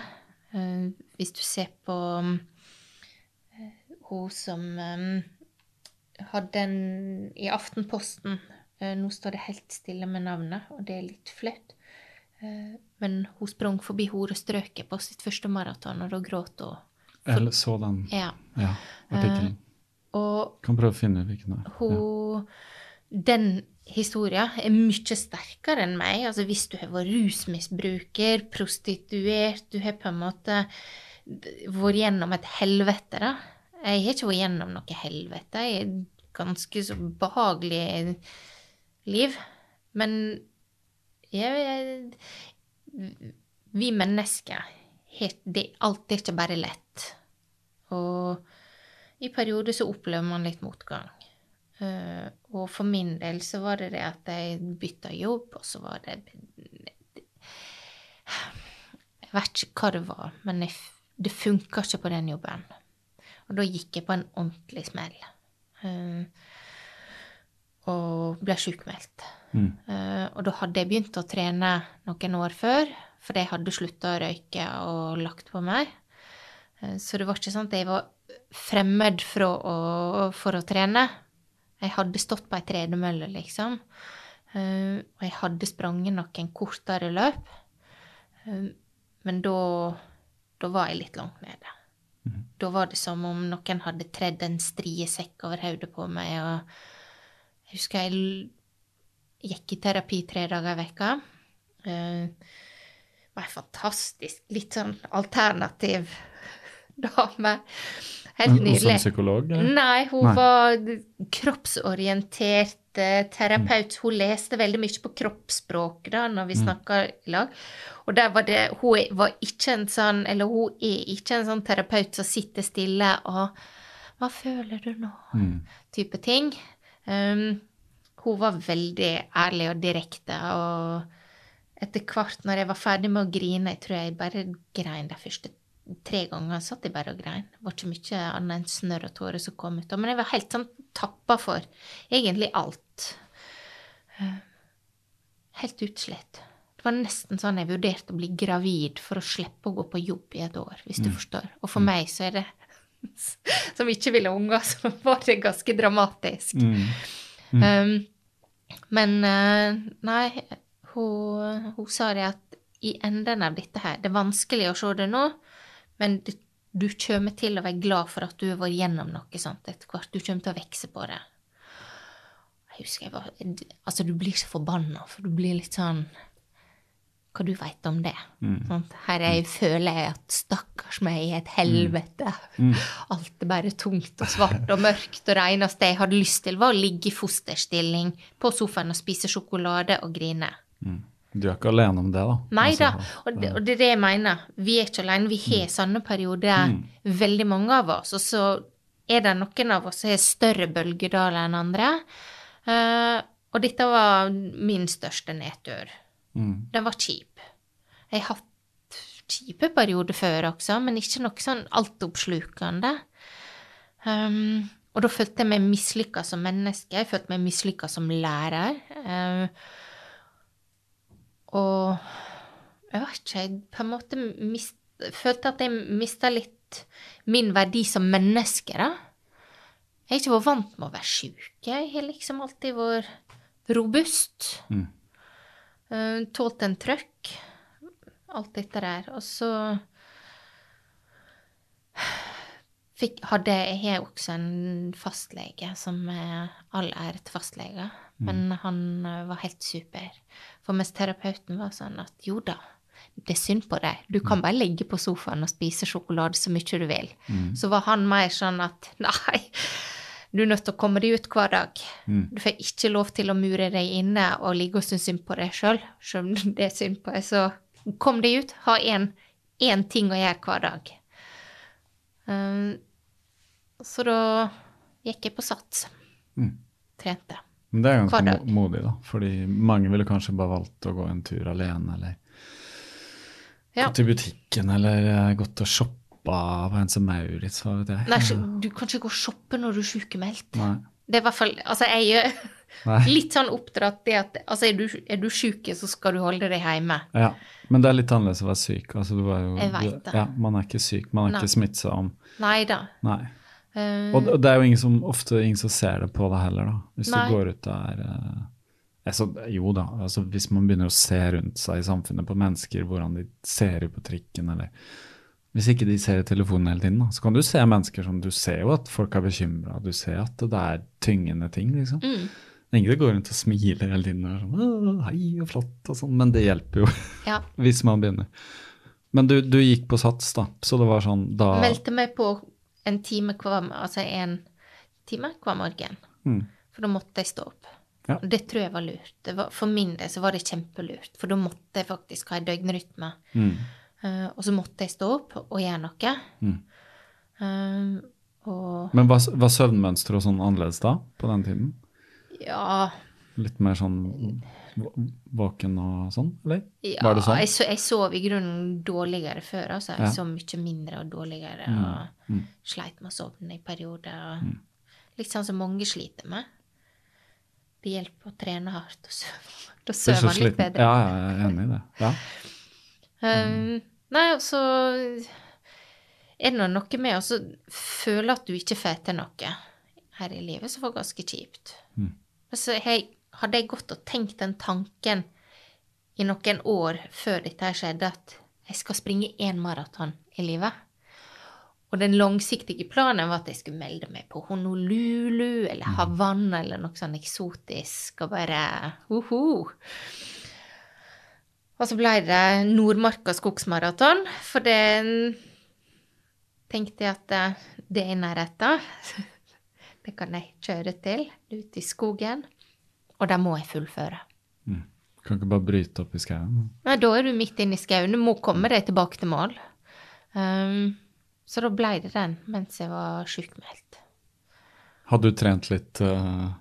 Ja, da hadde jeg løpt litt. Uh, ja. Da hadde jeg jogga litt før det. Ja. Var det sånn, var, var du sånn at liksom så på program og jeg må løpe sånn og sånn? Nei, det var bare jeg løper og så Jeg var på så timene på Sats, og så sprang jeg litt på tredemølle. Mm. Og så hadde jeg noen joggeturer ute. Mm. Og så veka før så hadde jeg tre 15 km joggeturer på rad. Det var det lengste liksom jeg jogga. Du hadde bare løpt 15 før? Ja, jeg maraton. hadde prøvd meg på en halv maraton før mm. det.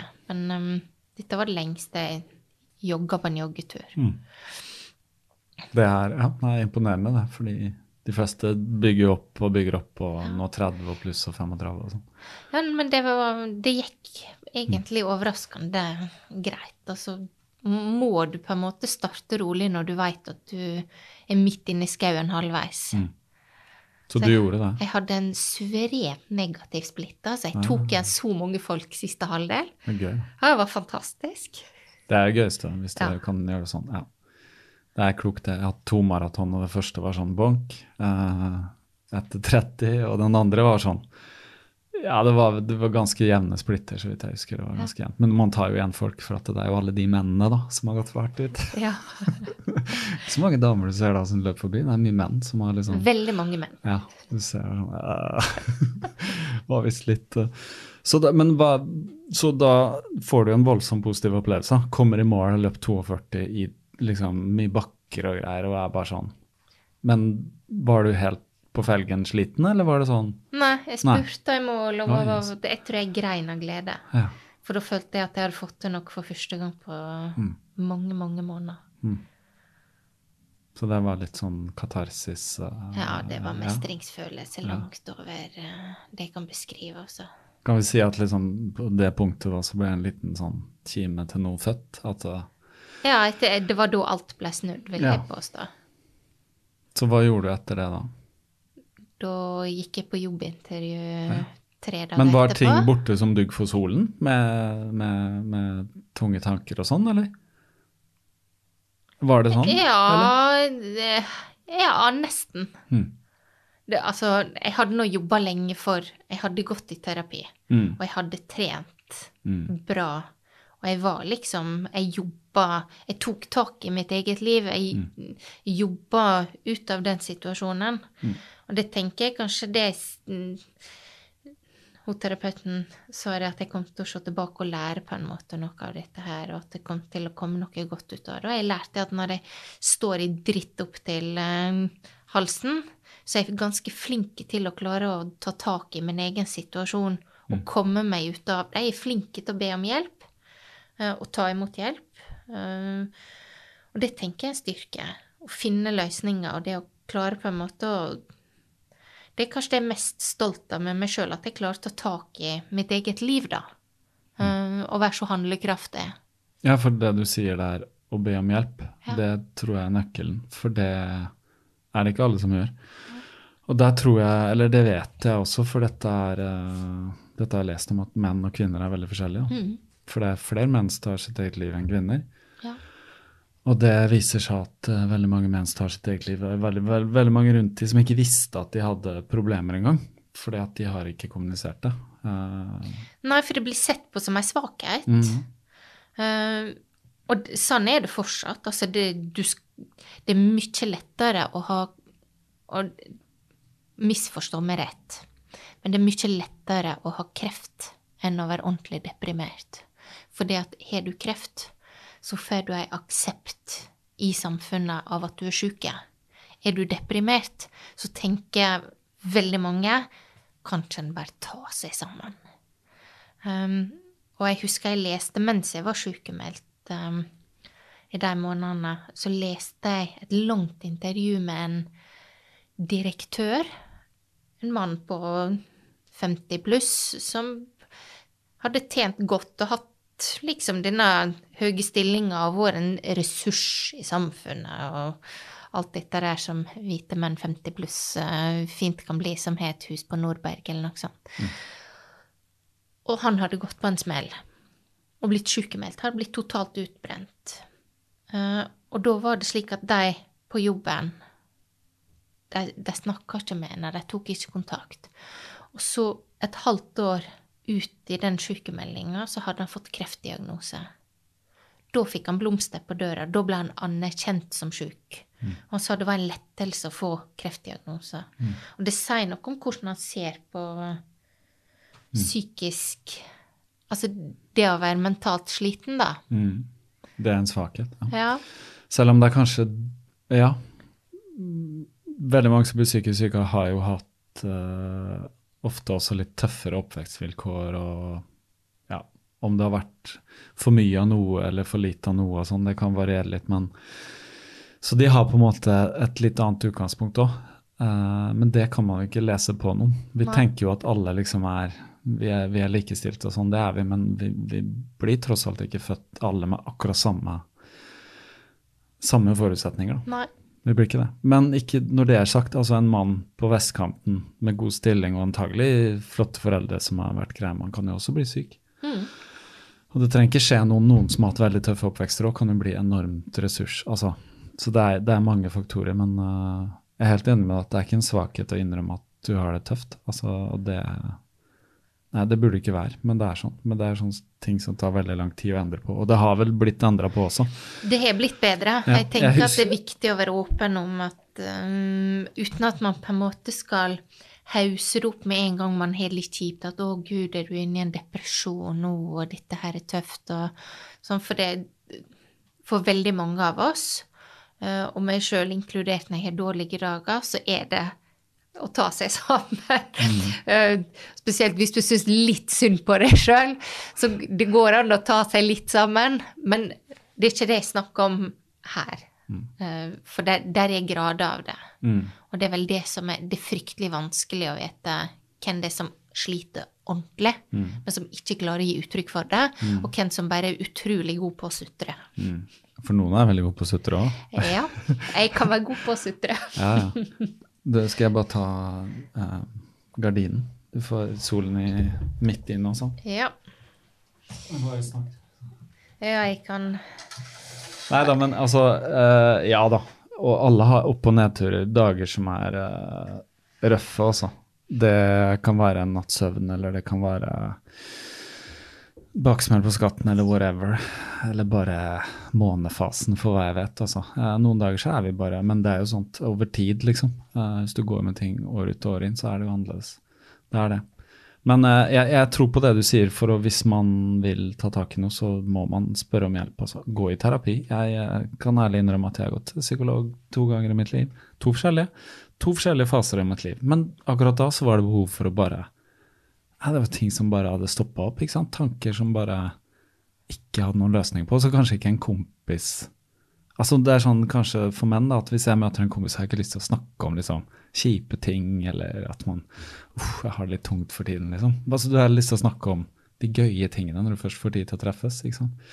Men to faser i mitt liv, og det var bare nyttig. Og så bare kunne noen som kan lytte Altså bare snakke med noen som lytter. Ja, det er kjempeviktig. Ja, det er kjempeviktig, og det undervurderer vi litt, fordi de fleste av oss er jo uh, veldig til å prate, ja.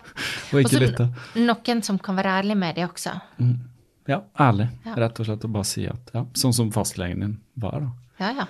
Han kunne jo sikkert satt deg på eh, masse medisinering og sagt liksom 'kom tilbake om fire måneder' og ikke sant? Bare ikke ha tid Han er helt fantastisk. Ja, det... Han setter seg ned og så mm. sa han 'ja, har du sprunget noen morsomme løp i det siste'? Mm.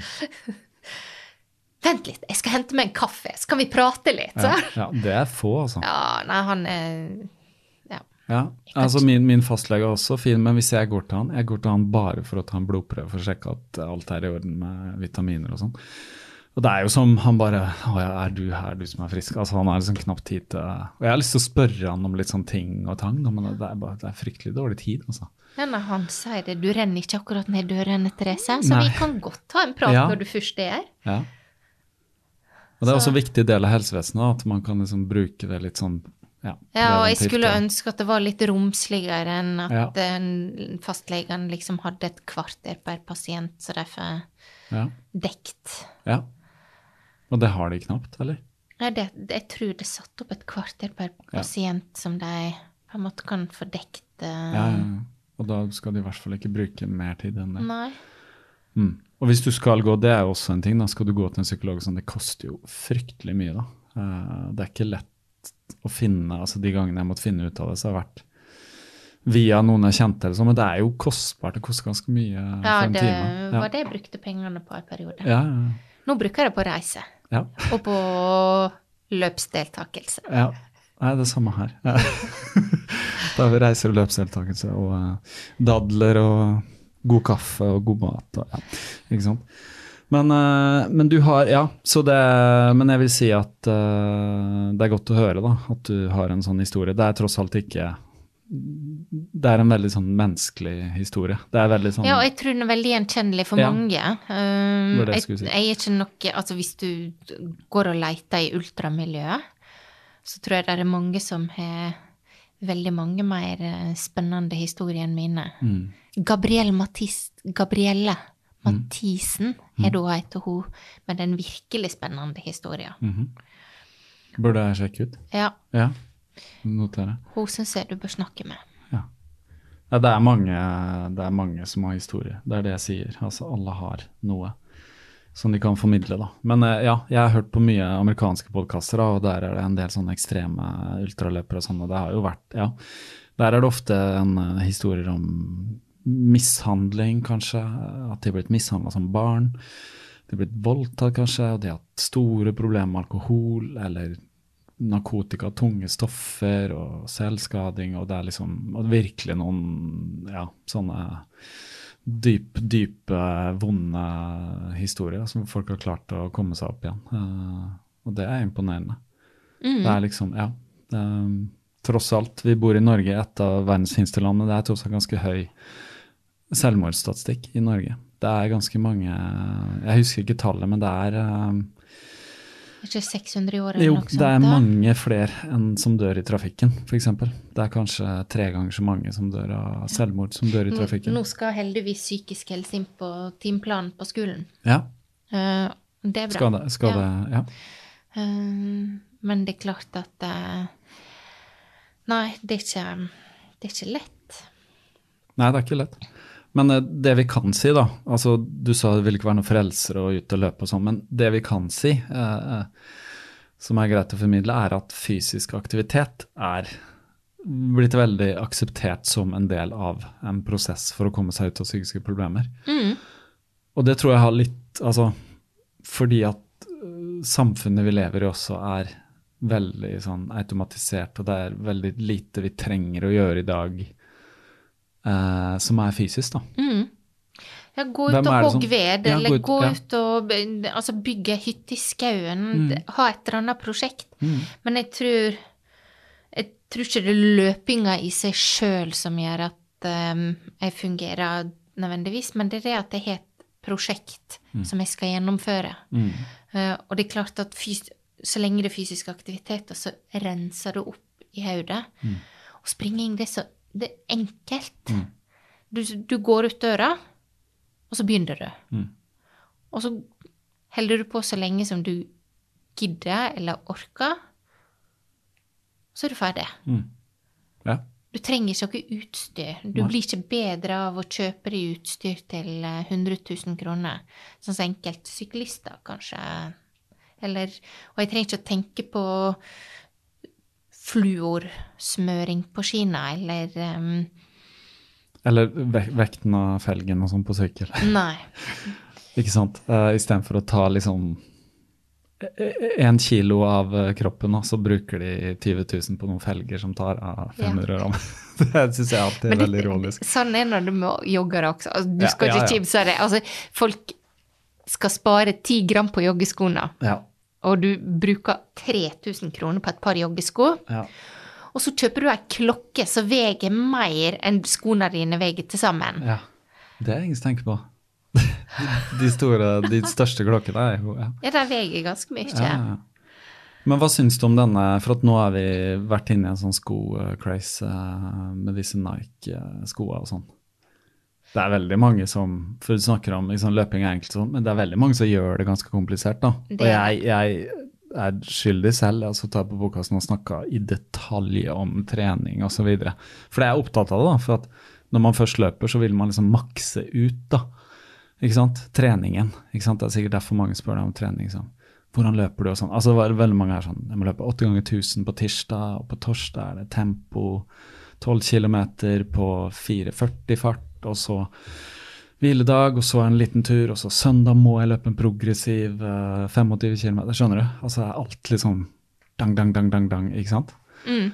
Så det kan gjøres komplisert, og jeg må ha de nye Nike Vaporfly fordi jeg skal løpe under 2,59, holdt jeg på å si, eller 2,30, eller på maraton. Så det er jo Vi kan jo komplisere ting så mye vi vi. vil. Ja, og det gjør vi. Ja. Også mange. Men hva, hva, er det viktig for deg med type sko og sånn, eller er du mer sånn Ja. Ja. Uh, Men av den grunn at de er raske, eller for det utseendet, eller hvordan de sitter på foten, eller hva er det som er viktig der? det viktigste er at de sitter godt på foten. Mm. Um, jeg har Vaporfly Next. Mhm, Jeg fikk det i julegave. Mm.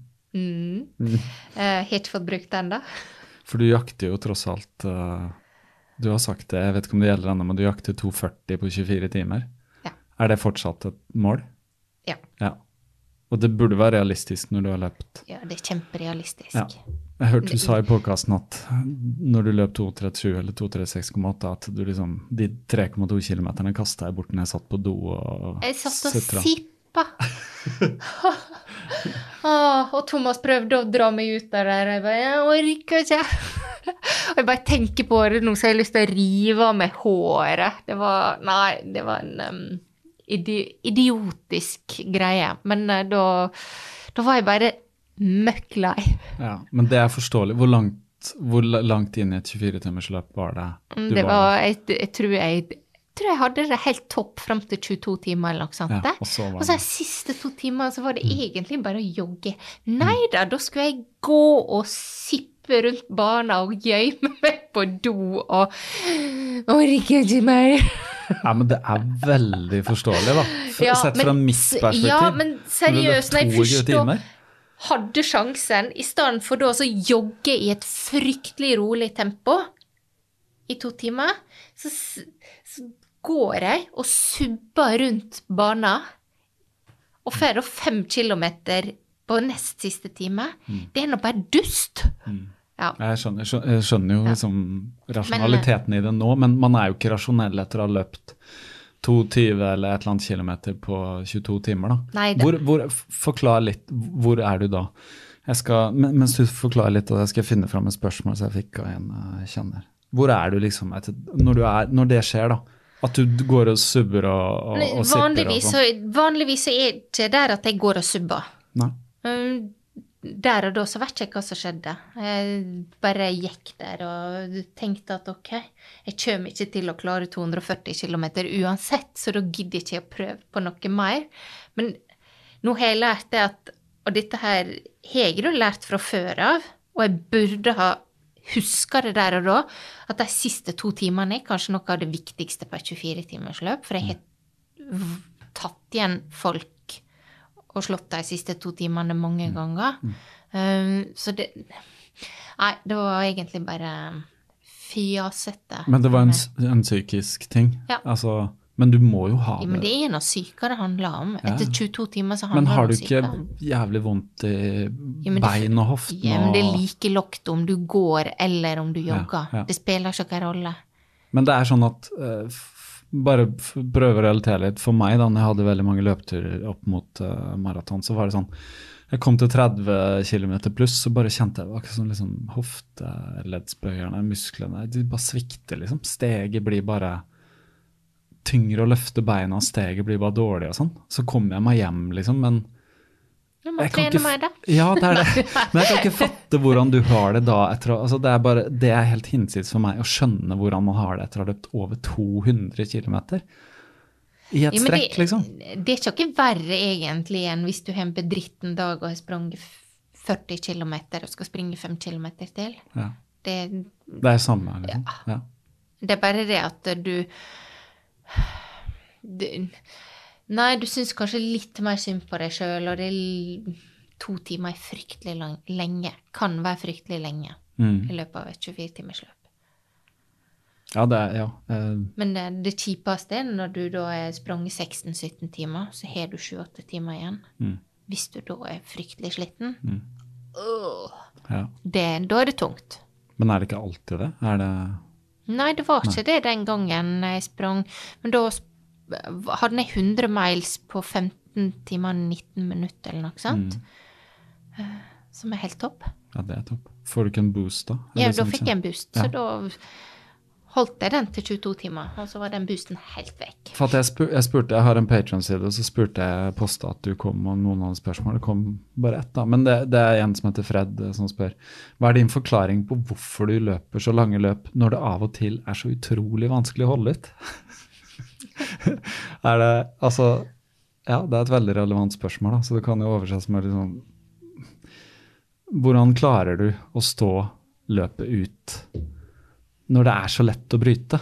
Altså, for det er jo Å bryte må jo være utrolig lett. Du, du finner jo sikkert på alle mulige unnskyldninger. Ja, øh, og det er noe med at du har på en måte denne stemma som sier til deg at dette her er idioti. Det er ingen som bryr seg. Folk liker deg bedre hvis du bryter av og til, Therese. Det har jeg funnet på å si til meg sjøl. Ja. Men er det du som sier det til deg selv, da? Ja. Eller hvem er det? ikke sant?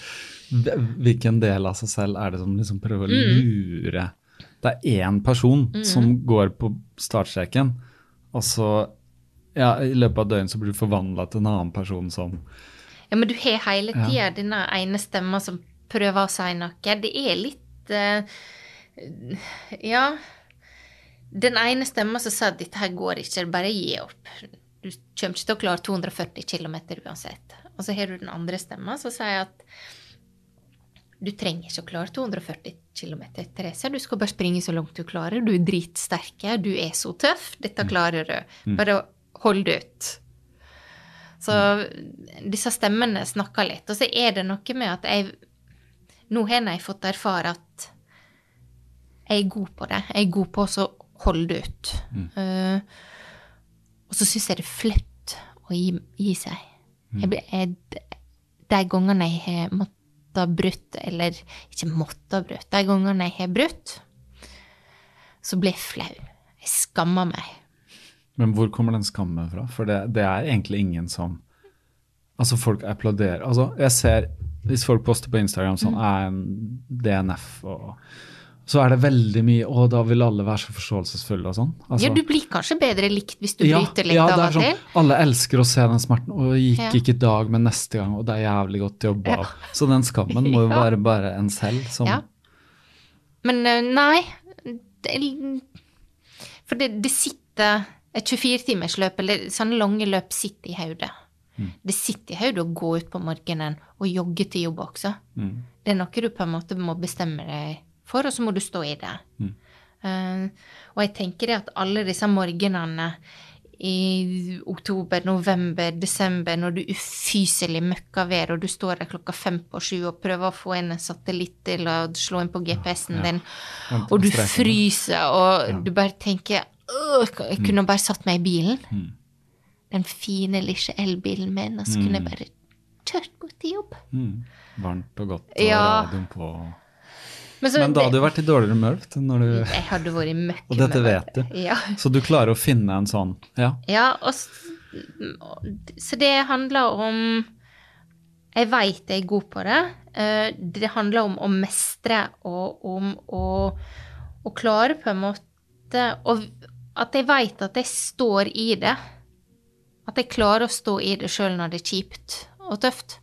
Og det er mye av den livsmestringa. Altså et ultraløp er noe som livet ellers.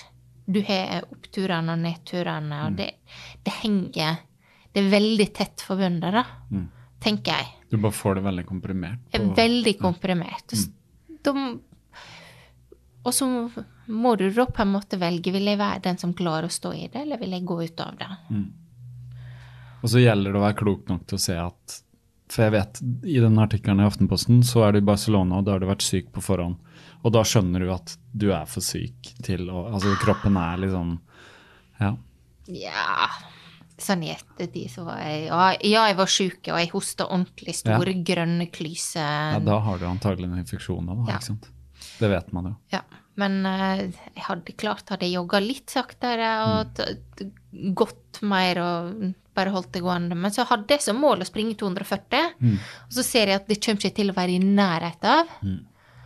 Og da mister man kanskje litt sånn Ja, og da Og så hoster jeg, og så syns jeg synd på meg sjøl. Ja.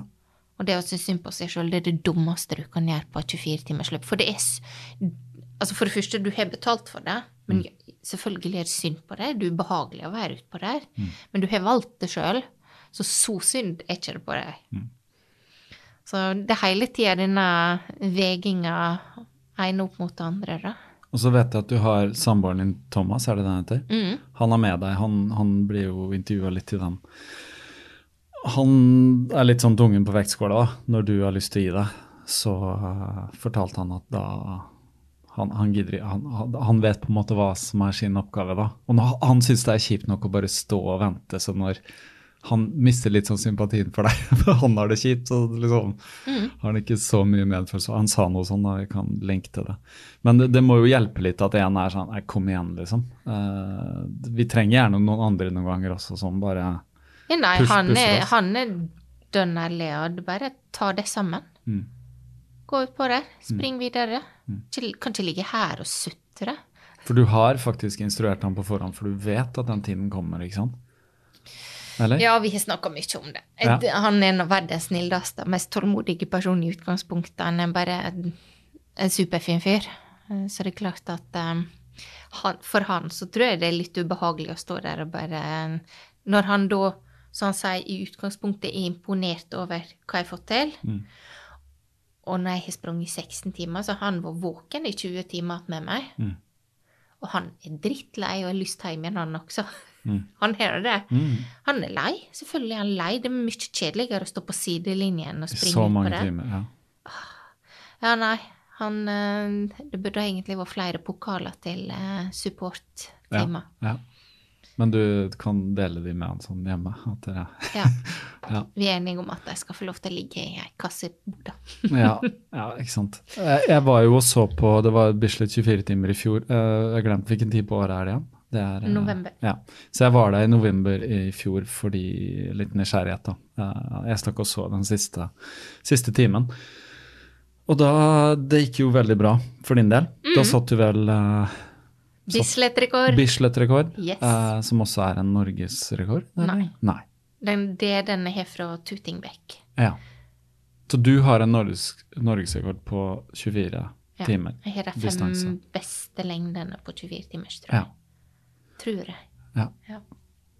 Men det kan sikkert stemme. Men da jeg så på deg da, så smilte du faktisk. Mm. Når du løp. Det var sånn For meg kunne det vært to timer inn, altså. Det var jeg ganske imponert over, for jeg ja, så var- mye folk som sleit. Jeg prøver å smile. Ja. Det er ikke, og det slettes ikke alltid jeg får det til. Nei. Men uh, jeg tenker at det å komme og se på jeg, altså, jeg har vært ordentlig nedfor og sur og kjip og gretten på løpebanen sjøl. Mm. Så dette er ikke noe for de som andre som er det. Men nei, jeg tenker at så lenge jeg klarer det, så skal jeg smile, for jeg har et ansvar for at de som står på sidelinja, heier. Det er kjempehyggelig at de kommer. Det er klart det at du skal vise at du setter pris på det, hvis du er i stand til å vise det. Men jeg hørte jeg var faktisk på en sånn, eh, et lite arrangement nede på Salt gjennom Ecotrail. Det viste noen sånn kortfilmer, sånn ultraløpfilmer og sånn, men da var han Leif Ab Abrahamsen der.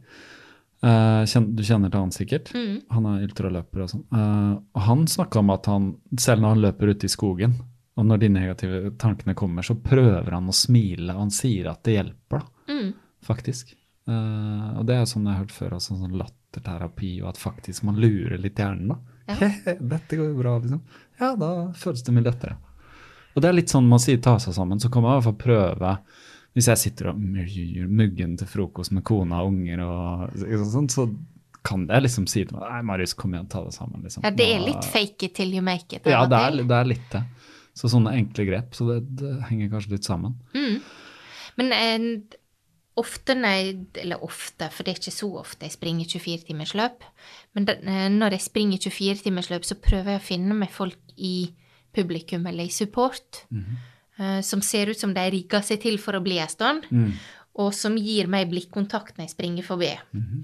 For bare det å ha en eller annen som har en eller annen sånn tommel opp eller et smil hver gang du kommer forbi, for du kommer ganske mange ganger rundt og rundt ja. i løpet av et døgn. Hvert tredje minutt. Ja. Sånn, sånn. uh, og hvis det da er noe som legger litt ekstra merke til deg, som på en måte ser ut som det mm. heier litt ekstra på deg mm. hver gang du kommer. Mm. Og da må jeg gi noe tilbake for å få noe av deg. Men hvis jeg da vet at ok, nå skal jeg smile til den personen igjen om 500 meter, mm. og så 500 meter igjen, mm. og så 500 meter igjen Så når jeg da har det kjipt, og ikke klarer å smile, så får jeg også Altså da får jeg gjerne noe mm. fra de på support som har litt ekstra. Mm. Fordi at jeg har gitt litt av meg sjøl mm. tidligere i løpet. Og nå er det jo sikkert, siden veldig mange som er på Bislett og sånn, vet hvem du er nå, så er det sikkert en god del sånn 'Kom igjen, Therese', og klapping og sånn. Du får jo sikkert litt ekstra der, siden du har blitt ganske kjent, tenker jeg på. Ja. ja. Det må være litt kult, da. Veldig kult. Derfor var det litt sånn hei, hei, hei, ja. her kommer jeg, liksom. Ja.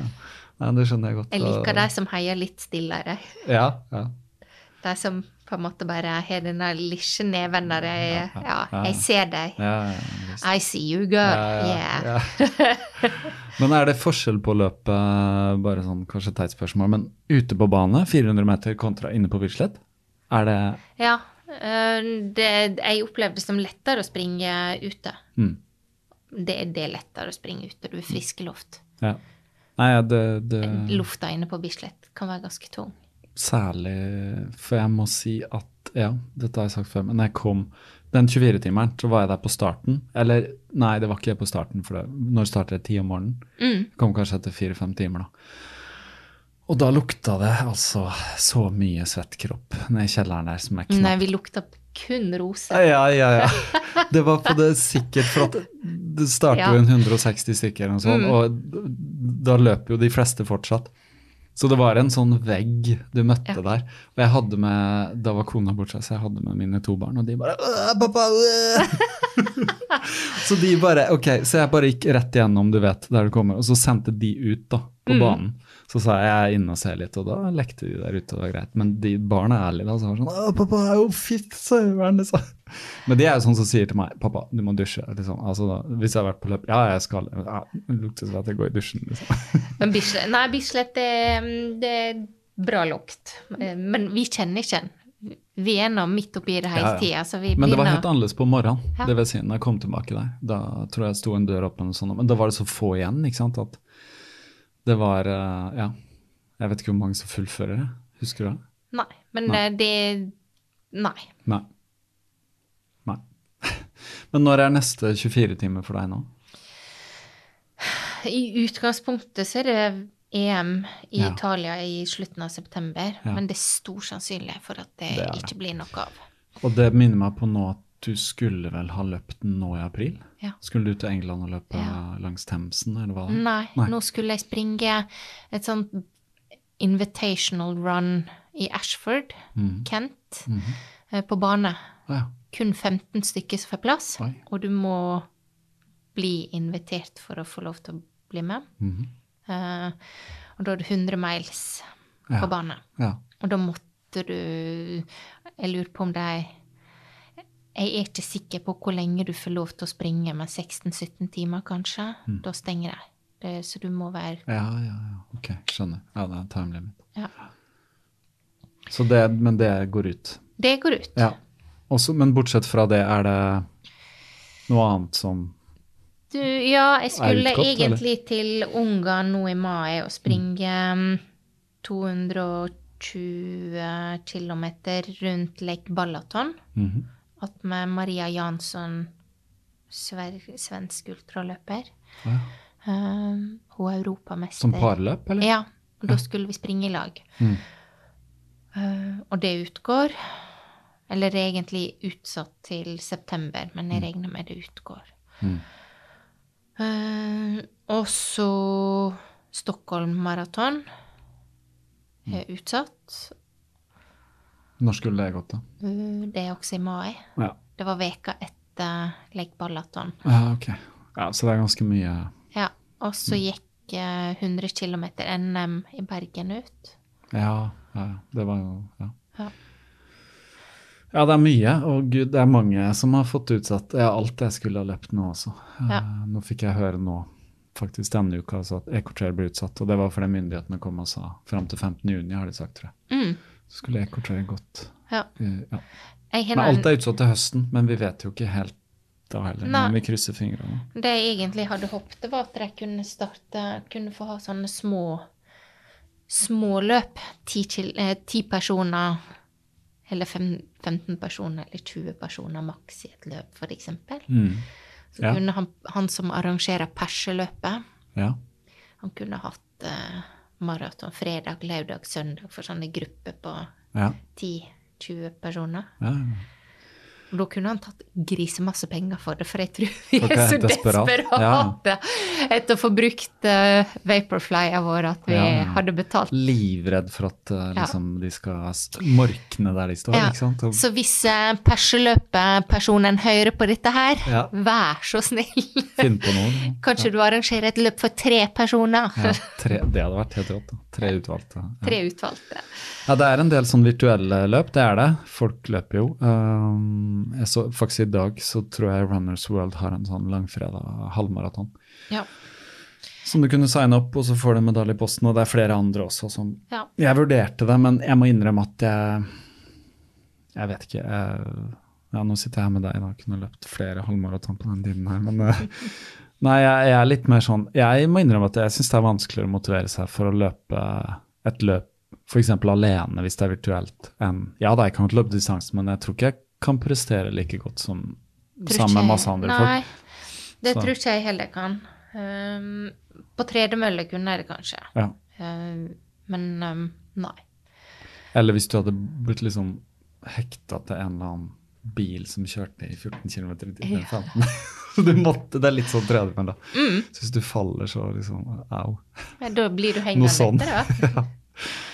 Så ja, men øh, Nei, jeg har jo lagd et um, Jeg hadde en fiks idé her øh, i fjor, da, at jeg skulle lage et uh, virtuelt Kaptare-mesterskapsløp.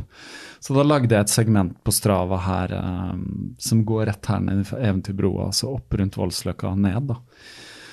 Du må Eh, nok legge deg en litt mindre befolka plass nå. det er det, ikke sant. Det er det. At, uh, så jeg måtte si på podkasten ok, løp det, men ta det tidlig på morgenen, eller når det ikke er folk. For det har vært et problem her. Eh, langs Akerselva er det såpass trangt at uh, å løpe Og noen har blitt sint, og det var jo en som skrev en sånn uh, hissig Men jeg forstår det, for Ja, jeg blir ja. sinte på enkelte joggere sjøl, og på syklister, Mm. uh, som kommer da i gruppe på Og da snakker jeg både om joggere og syklister eller andre mosjonister, som kommer i gruppe på fire og fem stykker, Mm. og som ikke kan legge seg bak hverandre når de f- springer forbi eller sykler forbi. Mm.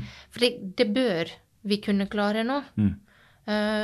Så selv om jeg ligger helt oppi autovernet Mm. på gangveien, så syns jeg syns ikke noe om det. Og spesielt de som sykler og sneier meg, og så spytter de Å, ja, ja. to meter lenger framme. Ja.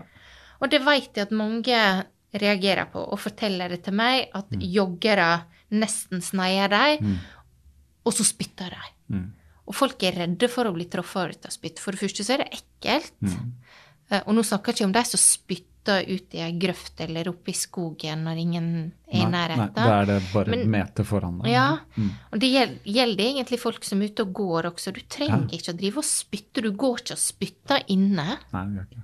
Vi spytter ikke inne på Bislett heller, så vi, Nei, nei. vi klarer Det er noe med å ta hensyn, og jeg forstår godt at folk blir sinte på joggere som må jogge opp i andre. Mm. Men når det kommer familie på fire stykker i bredda, Mm. med barnevogn og hund, og ikke kan flytte seg ti centimeter Ja. en gang så du kommer forbi, Ja. da kjenner, er- da kjenner jeg Da kan jeg være en Mm. jævla jogger og, Og presse meg forbi. For jeg tenker at det er et fellesansvar. Det skal ikke være kun paria-rasen joggere. Nei, nei, nei, jeg er enig i det. Nei, det er mange som kunne blitt bedre. Jeg har løpt øh, Jeg har løpt litt. Jeg har bare løpt sånn rundt der hvor jeg vanligvis løper, men det er jo enkelte steder som Holdt på å si sånne junctions, øh, hva heter det på norsk? Det er hvor ma mange sånne øh, gang- og sykkelstier møter hverandre opp ved mm. Sinsenkrysset og sånn. Ja. Så det er sånn, Folk er veldig sånn uoppmerksomme, altså. Det kommer, og så kommer det inn en gangsti, og så er det to. Så jeg har veldig vært sånn at da stopper jeg å løpe, da. Og så nesten sånn står jeg. Skal du reagere, liksom? Ja. Og så løper jeg videre. Jeg sa unnskyld til et Ja. par personer som gikk midt på gangveien. Mm. To stykker. Jeg gikk med et halv meters mellomrom mellom dem, og så var det sånn 30 cm på utsida. Mm. Og så sier jeg unnskyld, og så snur hun ene seg og ler. Og jeg tenker, vi har stengt skolene Mm. og barnehagene, folk går konkurs. Vi bruker Mm. milliarder på milliarder på også, eh, for at folk skal unngå at det går til helvete. Mm. Og så ler du fordi jeg sier unnskyld når jeg vil forbi deg, for å ikke jogge på deg. Mm. Åh, da blir jeg litt sånn matt. Ja. Burde hatt en sånn lapp i en plastpose som du slang fra en sånn liten tale om Vet du ikke konsekvensen av Men det skal, altså jeg, nå disse siste åtte dagene, så jeg, jeg har virkelig gjort mitt for å finne plasser der det er lite folk. Ja. Uh, jeg prøvde. ja. Uh, men det er klart det er mye folk overalt i Oslo. Vi bor i byen. Men jeg har sprunget ja. ut til Nittedal Mm. og tilbake. Der sto det en fyr og heia på meg. Ut med kjul eller noe sånt. Forbi Oi. slott. Du må utover. Er det maraton nummer fem? Nei, visste han det? Jøss. Så det var bare sånn Nei, det er Men han kunne ikke vite hvor du løp, så det må ha vært tilfeldig? han, ja, han hadde sett meg litt lenger framme, så han ja. hadde stoppa og sto der klar til å heie. Ja, ja, ja. Så nei, det er kjempekoselig. Ja. Og de fleste er nå veldig hensynsfulle. Det skal Mm. sies. De fleste er hensynsfulle, både av folk som er ute og går, og folk som er ute og sykler og jogger. Mm. Uh, og så har du noen som ødelegger for alle andre. Mm. Det Sånn, er litt- sånn er det alltid. Ja. Så, men um, Men har du noen tips til noen steder nå når du har løpt så mye på åtte dager? Ja, altså den ene dagen, det var møkk kjedelig. Forrige søndag, det var drittvær. Da sprang jeg opp til Bryn skole, altså fram og tilbake Ole Deviks vei. Fram og tilbake én kilometer én vei, snudde en kilometer tilbake. Veldig mange, veldig mange ganger. Den eh, anbefaler jeg ikke. Den er fin når du skal kjøre intervaller på 1000 meter, men den er Men ikke som en maraton? Å springe maraton. der frem og tilbake, det er bare døden, altså. Men der er lite folk. Ja. Uh, og så har jeg sprunget utover til Bestemorstranda uh, og Ingerstrand og Kolbotn Mm. utover der, langs med Mosseveien. ja, der. Mange som sykler der? eller? Ja, eh, men der folk 99 er bare godt til ene sida. Mm. Det var selvfølgelig en guttegjeng som gikk tre stykker bredda og ikke skulle slippe forbi verken syklister eller joggere på sin vei, men det var det eneste på hele den turen Mm. uh, som ikke rikka seg en millimeter. Selv om de så det kom folk. Det er merkelig. Ja, uh, men det var en kjempefin tur, bortsett fra at det var masse bakker Ja, utover er det. Svartskog. Ja. For du løp, du løp Mosseveien ned, og så tok du av til høyre, og så Ja. kommer du inn på Svartskog der. Ja, Mm. der har jeg sykla. Der er det mye opp og ned. Det var åh, Ja. så tunge bakker. Ja. Men uh, også opp til Kolbotn og rundt der oppe, og så ned igjen. Mm. Kjempefin tur, egentlig. Sånn springmessig. Ja. Uh, utover til eh, Nittedal. Uh, jeg liker nå den. Jeg liker å springe langs med Er det Ringvei 4 det heter der? Usikker. Eh, faktisk opp til Gjelleråsen og Ja. videre. Det er ikke så kjent der. Nei. Nei. Men eh, den bruker jeg å springe en del om vinteren, for der er det stort sett alltid bart. Mm. Eh, Så, og da er det alltid, nesten alltid medvind oppover, og så snur du, og så bare møter du veggen. Ja. Motvind, ja. Ja. Men da går det stort sett nedover, da, fra Gjelleråsen til Kampen. Men det er mest asfalt du løper, eller? Ja. Sånn utenom mølla? Ja. Ja. Asfalt er fint. Det er fint, du liker det? Ja. Ja.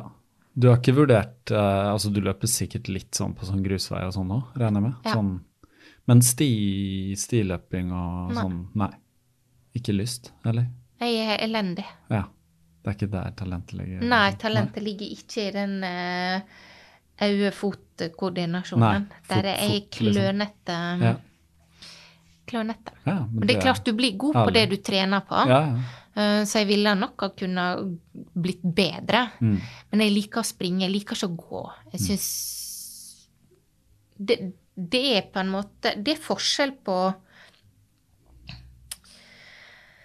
å bevege seg.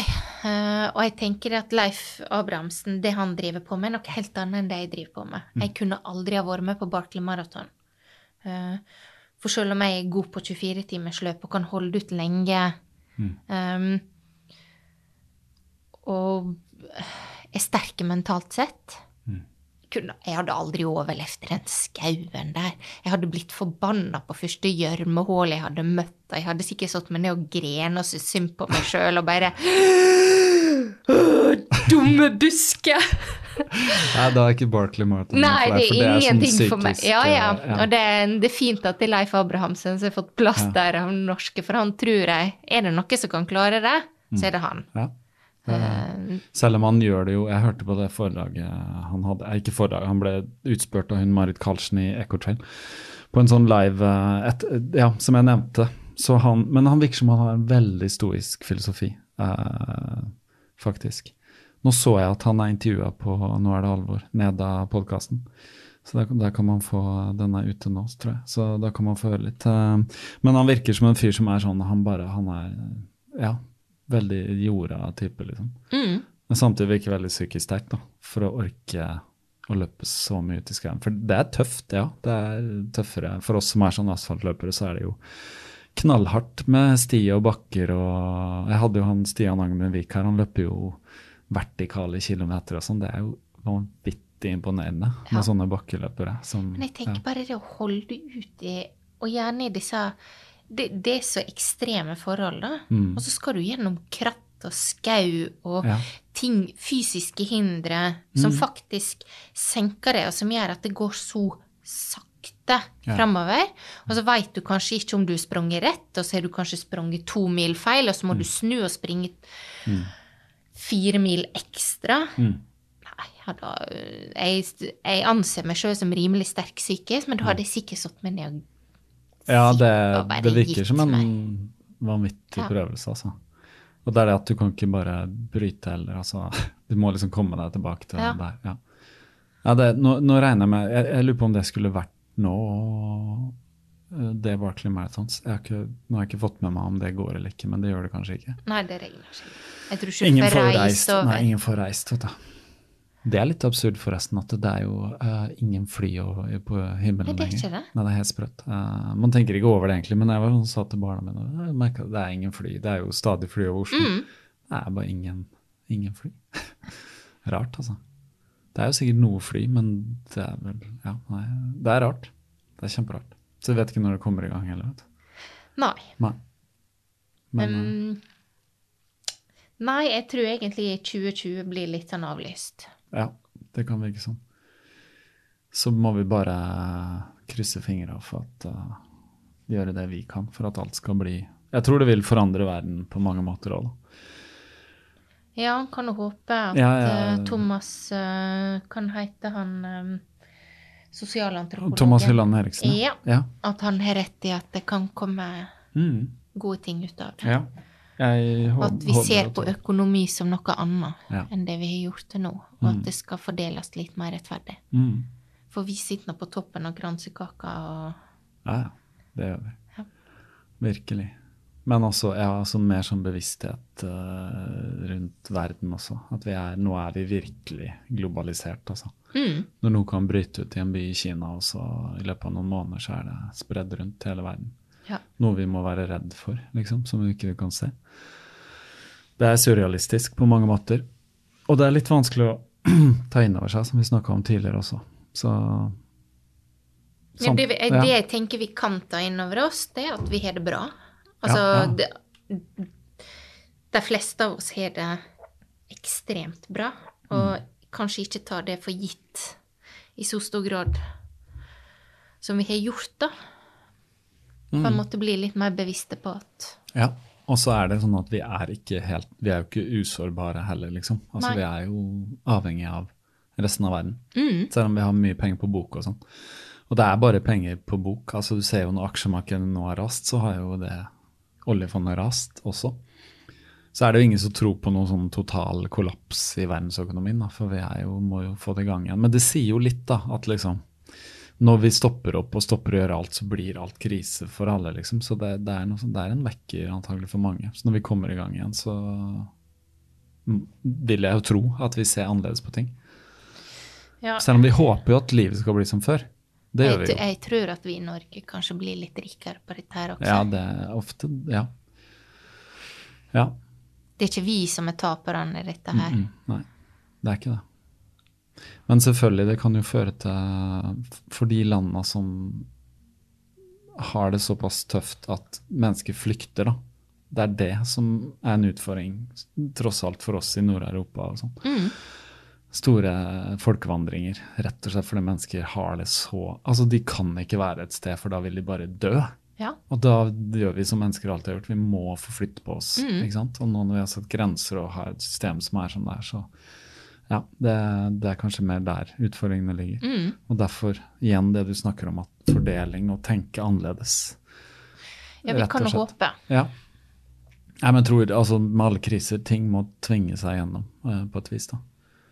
Det viser jo, altså Tross alt så har vi jo en slags progresjon i verden. Altså De som tror at verden alltid skal være lik, de er dømt til å ta feil. Altså er det Noe historien viser, er at forandre, alt forandrer seg. Det eneste sikre er at alt forandrer seg. Mm. Ting vil ikke være akkurat det samme alltid. Nei, man kan si takk og lov for det. Ja, ikke sant? På godt og vondt. da. Så, men tross alt, selv om vi sitter og snakker sånn som nå, så er det helt tydelig for de som har greie på sier si at det har aldri vært færre konflikter, det har aldri vært mindre fattigdom. Det har aldri, ikke sant. Det er, ting går framover. Ja. Men så har vi jo selvfølgelig vi har miljøutfordringer og ja, det er mye å ta tak i. Vi har noen verdensledere som eh, kunne, vi godt kunne ta tak i også. Ja, vi har det. Men faktisk, for det er liksom én ting jeg også har litt på, på blokka her, det er feminisme, da. Uh, du poster litt om feminisme og sånn, og først må man liksom definere hva er feminisme for deg, da. Fordi uh, hvordan liksom Når du sier du er feminist, og jeg kan også si jeg er feminist, hva er det man liksom definerer da? Hva er det man sier da? Da sier, altså slik jeg oppfatter For meg, feminisme, så handler det om at eh, vi skal ha like muligheter og like rettigheter. Ja. Så enkelt. Så enkelt. Ja. Og det er å, skulle si noe sånn er jo egentlig ikke kontroversielt i det hele tatt. Nei, Det er til og med implementert i menneskerettighetene at alle skal ha men folk lar seg provosere av ja, det. Men hvorfor er det sånn? For det lurer jeg litt på. Er du klar over at noe av det mest googla er hvis du søker opp 'kvinner skal' Ja. på Google, så Hvis du skriver opp 'kvinner skal'? Ja. Ja. Så kan du sjekke hva som kommer. Mm. Kvinner skal tie i forsamlingen. Mm. Kvinner skal holde seg i løpestreng mellom kjøkken og soverom. Mm. Kvinner skal ikke ha lederstillinger. Det, ja. Mm. Dessverre så finnes det noen der ute som mener det at uh, menn er mer verdt enn kvinner. Mm. Og at det er Ja. Hvor tror du liksom, roten problemet ligger? Altså Det er et veldig komplekst spørsmål, det vet jeg. Fordi vi har på en måte et slags patriarkat. da. ja, jeg tror det ligger mye i måten vi blir oppdratt på. Mm. Uh, For det, jeg tror vi blir oppdratt i samfunnet som stereotyper, som kjønn. Og jeg tror også det kan være en av grunnene til at mange ønsker å skifte kjønn fordi de ikke føler seg hjemme i de kjønnsrollene som vi ser i samfunnet. Så jeg tenker vi må, vi må kanskje tenke litt sånn større om mennesket, for det jeg og du er kanskje likere enn jeg og Kim Kardashian, da, for eksempel. Det vil Mm. Jeg håpe og tro. Ja, ja. Ja, selv om vi er dem begge to. så vil jeg tro at du og jeg både har likere tankesett og likere verdier og likere interesser, eh, og at du og jeg kan klare egentlig stort sett mye av det samme, selv om jeg kan klare å springe litt lenger enn deg, mest sannsynlig. Så mest vi, sannsynlig. så er vi likere enn det Kim Kardashian og meg er. Ja, ja. Eh, det så det handler vel egentlig om at vi må se på mennesket som menneske, og ikke som kjønn eller som stereotyper. Mm. Ja. Uh, og det, det, er vel det min tanke bak det handler mm. om. Det handler ikke om hvem som skal holde opp døra eller betale på restaurant. Nei, um, Nei og det, det, er litt viktig å bare ta fokus vekk fra de ja. For det er også litt stereotyper, da. Ja. Ikke sant? Altså, det er greit, det er lov å være gentleman, det er ikke det vi sier. Liksom. Jeg elsker, men, uh, jeg syns ja. det, jeg elsker å få kompliment, ja, ja, men det skal ikke definere meg om jeg er pen. Det, det er ikke det som mm. definerer meg. Um, selv om jeg syns helt ærlig at jeg ser ganske bra ut til å være snart 45, Absolutt. Uh, så er ikke det det som definerer meg som menneske.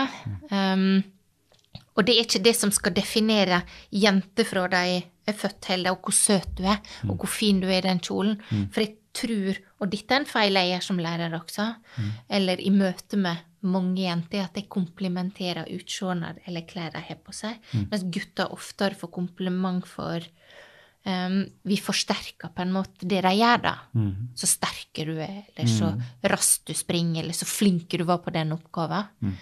Um, og det er klart, da, for, da, driver vi egentlig med forsterking av forskjeller, da. Mm. Og der er kanskje noen forskjeller som ligger latent i oss uh, fra vi er født, men jeg tror det er mer menneskelige forskjeller enn kjønnsbaserte forskjeller. Mm.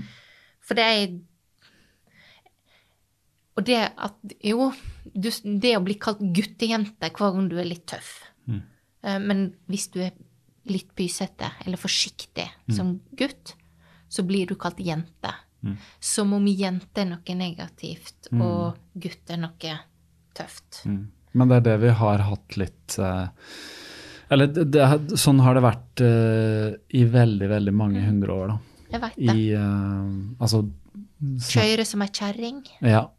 Og, så, så, det er enormt, dyp, ja, enormt dypt innarbeida i vår kultur. Ja. Mens i andre kulturer så er det faktisk litt annerledes. Sånn som India har en helt annen For jeg leste litt om det, en psykolog som har vært mye i India. Sånn, han skriver i India så er det mye mer vanlig for gutter å holde hender hvis de er venner, og gå og leie hverandre og sånn. Sånn som jenter kan, eller sånn som du gjør med barn. og sånn. Altså At ikke det blir oppfatta som en sånn merkelig ting, liksom. At det er mm. mye kulturelt. da.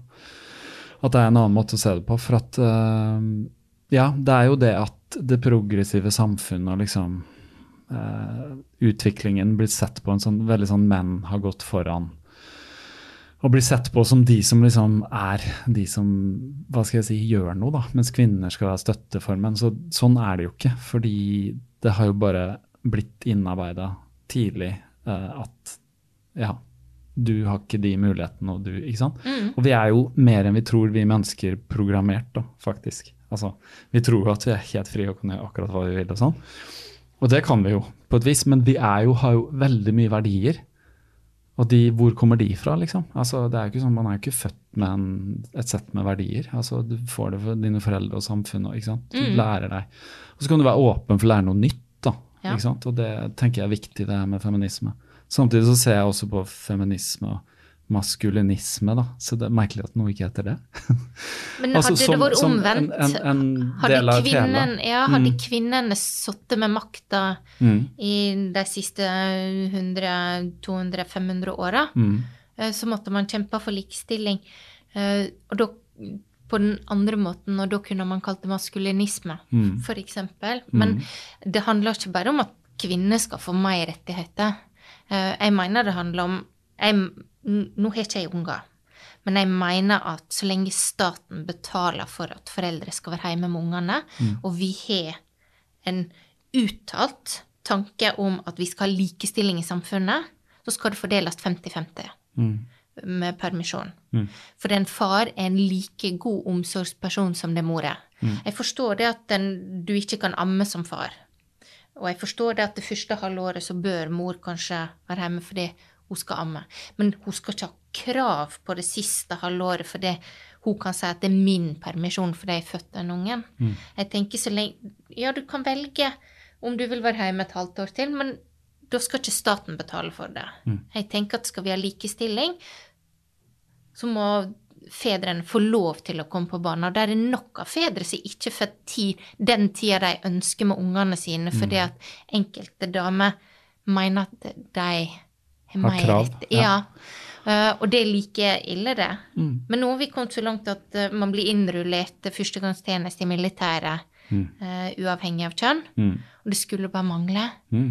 Um, jeg tror jeg hadde likt meg i militæret. Mm. Jeg er altfor gammel til Nå, nå når militæret er mer profesjonalisert, så gjør jo jenter det vel så bra. Ja. ikke sant? Når det ikke er bare en sånn idé om at du skal ha bare menn som er sånn stående forsvar. Ja. Det er helt annerledes enn når vi vokste opp. Da måtte jo jeg på hva heter det, sesjon, Mm. og du måtte i militæret, og du slapp ikke unna. liksom. Eh, og kvinner måtte be om å komme på, på Mm. sesjon. ikke sant? Så det, ja, mye har forandret seg. Så vi, og tross alt så bor vi i Norge hvor ting er igjen veldig bra. Men uh, også er det det at du ser at ting har skjedd. da. Uh, det er en slags generasjon nå, eller et gammelt tankegods uh, som har mått, blitt eksponert da, gjennom metoo og sånn, hvordan menn i maktposisjon har forholdt seg til kvinner da, og misbrukt sin posisjon. Som har fått lov til å holde på. da. Og da er det viktig å skille For der er, der er en del menn uh, som kan flørte på en litt klønete måte og komme med kommentarer som er unødvendige, men som kanskje de egentlig bare mener som et kompliment. Det er ikke et overgrep. Nei, det er ikke det. Det er ikke det. Det, det. Men i en jobbsammenheng, hvis du er i en profesjonell jobbsammenheng, så skal du aldri komme med sånne kommentarer. Men det er klart at du Det skal være lov å gi kompliment. Men du trenger ikke å være vulgær, du trenger ikke å være sexistisk. Eh, Men det, det, et eh, litt rausere samfunn sånn sett, og det er ikke svart-hvitt. Og menn er ikke stort sett griser eller ekle. De fleste menn er fantastiske. Men, så det er ikke det det handler om. Du har noen som må utnytte makta si for å få, få det som de vil. Ja. Og det gjelder jo ja, manipulasjoner som kan gjelde både kvinner og menn. Hvordan man Ja. manipulerer seg fram til det man vil. Og Mm. jeg, jeg vil heller se det sånn at liksom, feminine kvaliteter og maskuline kvaliteter er like viktige begge to. Ja. Sånn som jeg ser det. Og som sagt, jeg har lest litt om det, og lest litt Jung og sånn, og Jung sier jo snakker om eh, menn har sin indre anima, som er sin indre kvinne, da. Og for mange høres dette helt, helt veldig rart ut, men alle, og det er det vi snakker om, alle har maskuline og feminine kvaliteter, men så er de ikke i balanse, ikke sant. Mens det meste tyder på at det er en fordel om det er i balanse, for det er to veldig gode Altså når det er positivt, da, så er det to Altså å være maskulin er å kunne ta tak i ting og vite når du skal handle, kanskje, og ja, om det handler om forsvare seg eller angripe noe som er en trussel, eller hva. Mens på en annen side uh, Men hvem som er definert det som maskuline verdier? Nei, men uh, Ja, altså Men hvis du ser, da, hvis du liksom bare tar sånn arketype på det, som er liksom Mars, krigsguden og sånn, så er det liksom arketypen. Så, så ingenting er eh, i sin rene form. Men hvis du tar arketypen, så har du liksom krig og sånn og sånn, og så har du liksom Venus, som er det feminine, sant, med omsorg og sånn. Men jeg sier jo ikke at bare menn eller kvinner må gjøre det, bare kall det to på en måte sider av å være menneske, da. Som til sammen blir et hele, da. Ja, fordi det man definerer det. det som maskuline og feminine, så setter du deg i grunnen stereotypiske båser Ja, og det er vanskelig å ikke gjøre det Ja. når du skal definere noe. ikke sant? Men jeg, jeg trenger ikke å si at sånn skal menn være og sånn skal kvinner være. For det jeg prøver å si, er at faktisk i deg som er kvinne og i meg som er mann, så fins begge de. Ikke sant? Det, det. Men hvis du, blir, at... hvis du får spørsmålet er du femi eller, Mm. eller du får kommentar på at du er femi, Mm. så vil veldig, veldig mange menn gå i på en måte litt sånn Ja, da, Ja. ja. For det, akkurat det begrepet du sier, det er oppfatta som negativt. Det er det. Og det, det er noe med hvordan samfunnet ser på det du definerer som feminine verdier. Mm. Jeg vil nå påstå altså Hvis vi skal se det sånn, så er det Thomas som i forholdet vårt Mm. er Ja.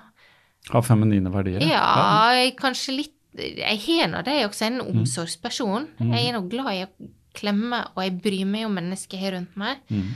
Um, og jeg anser det som veldig viktig Mm. å bry seg om mennesker. Uh, og jeg ser nå det Altså, faren min, uh, som også var lærer, han var også en sånn veldig omsorg for elevene. Veldig ute og brydde seg om spesielt de som vi kaller løvetannbarn, da. Mm. De som har det litt kjipt. Mm.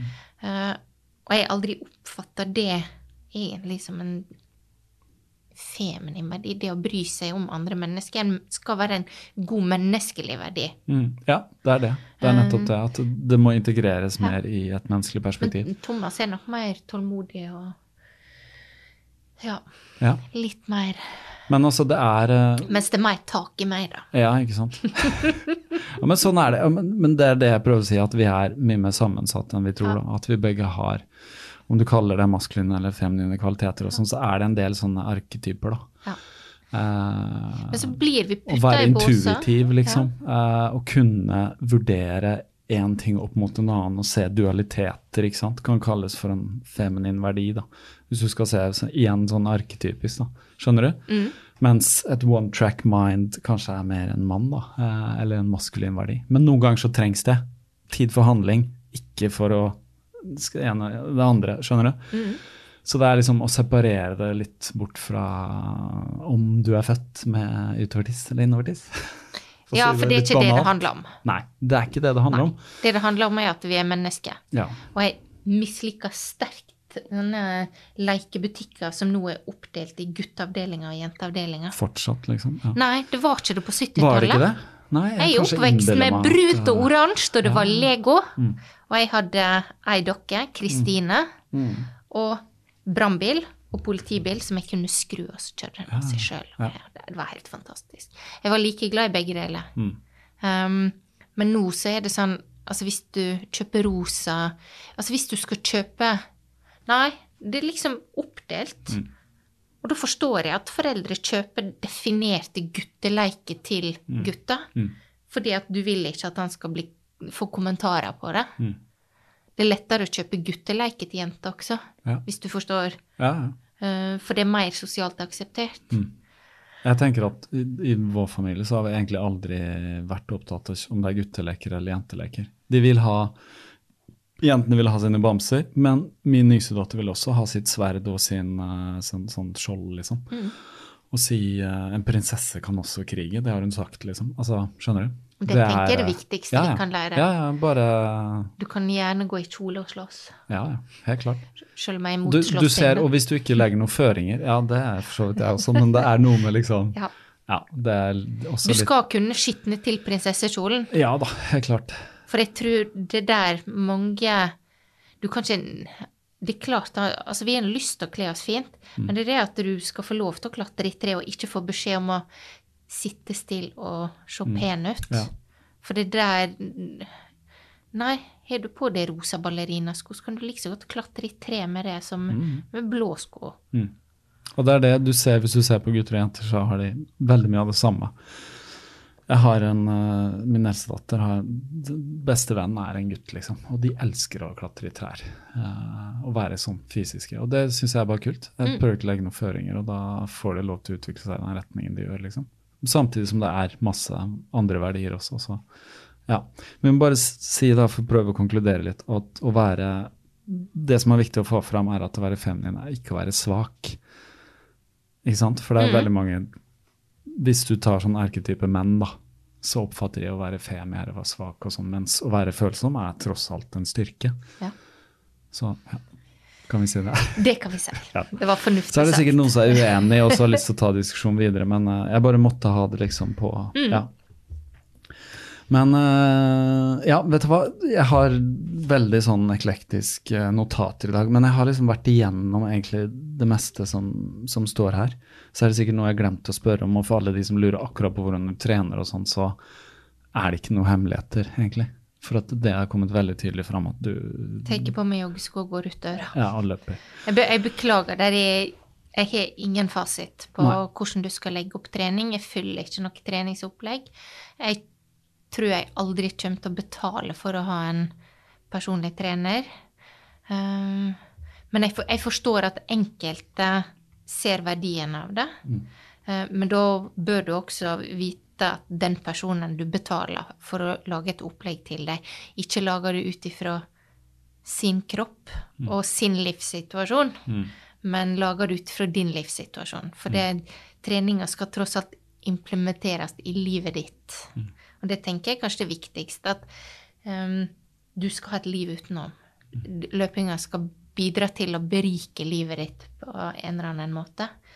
Um, I mye større grad enn at Altså, de, fleste har familie, eller de har forhold, noen har unger, noen har delt omsorg.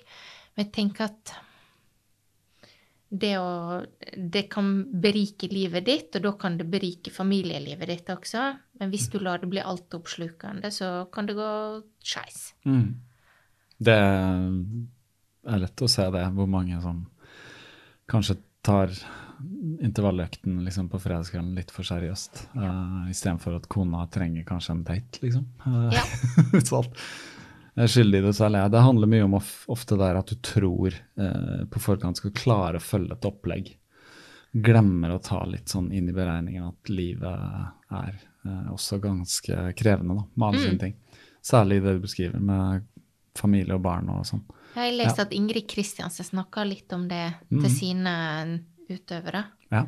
At, um, Hun er god på det, ja. ja. Du skal ha et liv utenom, mm. og du har mennesker utenom som er viktig mm. for deg. Mm. De skal fortsatt være viktig for deg, og du skal være viktig for deg når du er ferdig med å trene. Ja, de skal det. Så det er eh, Ja, det handler om å finne et, eh, en slags balanse i det hele, da. Mm. Og, og så innse det også at eh, det er ikke alltid alt går på skinner, da. At liksom Noen ganger kan du trene en veldig bra lang periode og klare et bra maraton. Andre ganger så er det kjepper i hjula. Og så være litt mer sånn Akseptere det. At det ikke kanskje det er da du vokser. Ja. At ikke det er satt pers. Ja. Sånn som nå, som mange er skuffa, da. Og så er det kanskje så tenker at ja, nå skal jeg få bruke den perioden til å trene enda hardere, sånn at når liksom eh, karantenen er over, da, eller når løpet kommer, så skal jeg komme og bare gjøre det supermaks, liksom. Jeg er litt sånn motsatt, jeg nå. Jeg bare OK, nå bare løper jeg litt på innfall, og så tar jeg meg faktisk Eh, et glass vin ekstra, holdt jeg på å si, og så sover jeg til klokka ni i dag, og så stresser jeg ikke ut med den økta. Og, ja, ikke sant. Bare aksepterer det. At det er litt mer sånn Ja. Jeg tror ikke på lang sikt at det har så mye å si. Nei, tror ikke heller. Det kan være at formen dupper litt nå, men uh, du vet hvordan det er. Altså, ja, ja. Får du noen gode økter igjen, så er du i gang. Altså. Kanskje kan kroppen ha godt av bare roe seg litt. Og jeg trenger bare ha eller annet, en eller annen grunn til å stå opp om morgenen og finne på et eller annet å gjøre. Ja. Når det er sagt, har du noen andre interesser utenom katter og smågodt, uh, holdt jeg på å si, og løping og Jeg gikk på quiz på Bohemen i veldig, veldig mange år. Hver mm. fredag. Mm. Fast. Mm. Uh, veldig fint. Men uh, det har det blitt litt lite av siste året. Blitt fryktelig mye reising. Mm. Løpsrelatert reising. Um, så det har jeg drevet på med. Så jeg har noen venner jeg pleier kontakt med. Mm. Uh, Som ikke løper og Ja. ja. Uh, og de kunne ikke brydd seg katten om jeg springer ti maraton på ti dager eller uh, 230 km på 24 timer. Mm. Det er liksom helt for deg, så nei. Det er helt fjernt. Mm. Ja. Mm. Og det er helt greit. Hva, hva, leser du når du leser på senga? Å, jeg leser masse bøker. Akkurat nå så holder jeg på å lese um, 'Drapet på kommandanten' av Haruki Murakami. Mm, det er den siste. Ja. Bok to. Uh, er fantastisk. Jeg elsker Murakami. Mm, jeg har lest de tidlige tinga. Ja. Mm. Uh, men han har en standardoppskrift. Ja, ja. Og der er en brønn med her også. Det er det, ja. ja og der er ei ung jente med her også, sånn 13-14 år. Han løper jo. Han, ja, jeg veit det. har du lest, du har sikkert lest den boka hans? Ja. Jeg leste alt ja. av han. Har du lest den boka til Andreas Humpland, 'Livsløp'? Nei. Andreas men, Humpland var her. faktisk. ja, Andreas Humpland var fartsholder på 3.30 første Oslo Maraton jeg sprang. Mm. Han, ja. Og da, det var mitt første møte med han. Han er en fin fyr, altså. Han er en fin fyr. Ja. Han, er, han, har vært her, så du kan, hvis du gidder å høre på en podkast, kan du høre han snakke. Han sier mye av det som står i boka, men den boka er veldig fin, da. For den er jo litt sånn livsrefleksjon. ja, men da skal jeg lese det. Den er fin, ja. Jeg hører ikke på podkast. Nei, sant. Nei, det er litt morsomt. Da vet dere det, lyttere. Therese Falk hører ikke på podkast, faktisk. Og det er jo sånn uh, Det skulle man tro når du løper mye og sånn, men det er ikke alle sånn. Nei, hører på lydbøker. Ja, men da bytter du på en måte ut. Ja. Jeg har ei bok jeg leser, og så har jeg mm. ei lydbok. Ja. Men nå har jeg hørt på tre lydbøker den siste dagene. Hvilke har du dagene. hørt på nå når du har løpt, da? Oi øh, Ja, det er det å huske hva det heter, for ja. det er gjerne sånn slukekrim. Oh, ja, ja, okay, ja. Uh, Mark Billingham, Redd Hare, var ei av dem. Og så nå holder jeg på med en eller annen krim. Øystein Borge, 'Det som aldri dør'. Mm. Uh, ja, mm. men det handler om Nord-Irland og konflikter der. Okay. Så den, um, den, er fin. Ja. ja. Uh, så det går, det går mye sånn enkelkrim, og så er det Maja Lunde Presvalskis hest. Ja, den, ja. Er den god, eller? Ja, men det følger noe standardoppskrift Jeg skal ikke si sånn, men jeg, det fyller samme oppskrift ja, som Blå og um, Bienes. Bienes historie. Ja. Jeg har ikke lest det, men min kone har lest Bienes ja. historie. Så det er en av framtid, nåtid og tilbake ja. Ja, Hun gjør det på den måten, mm. liksom. Mm.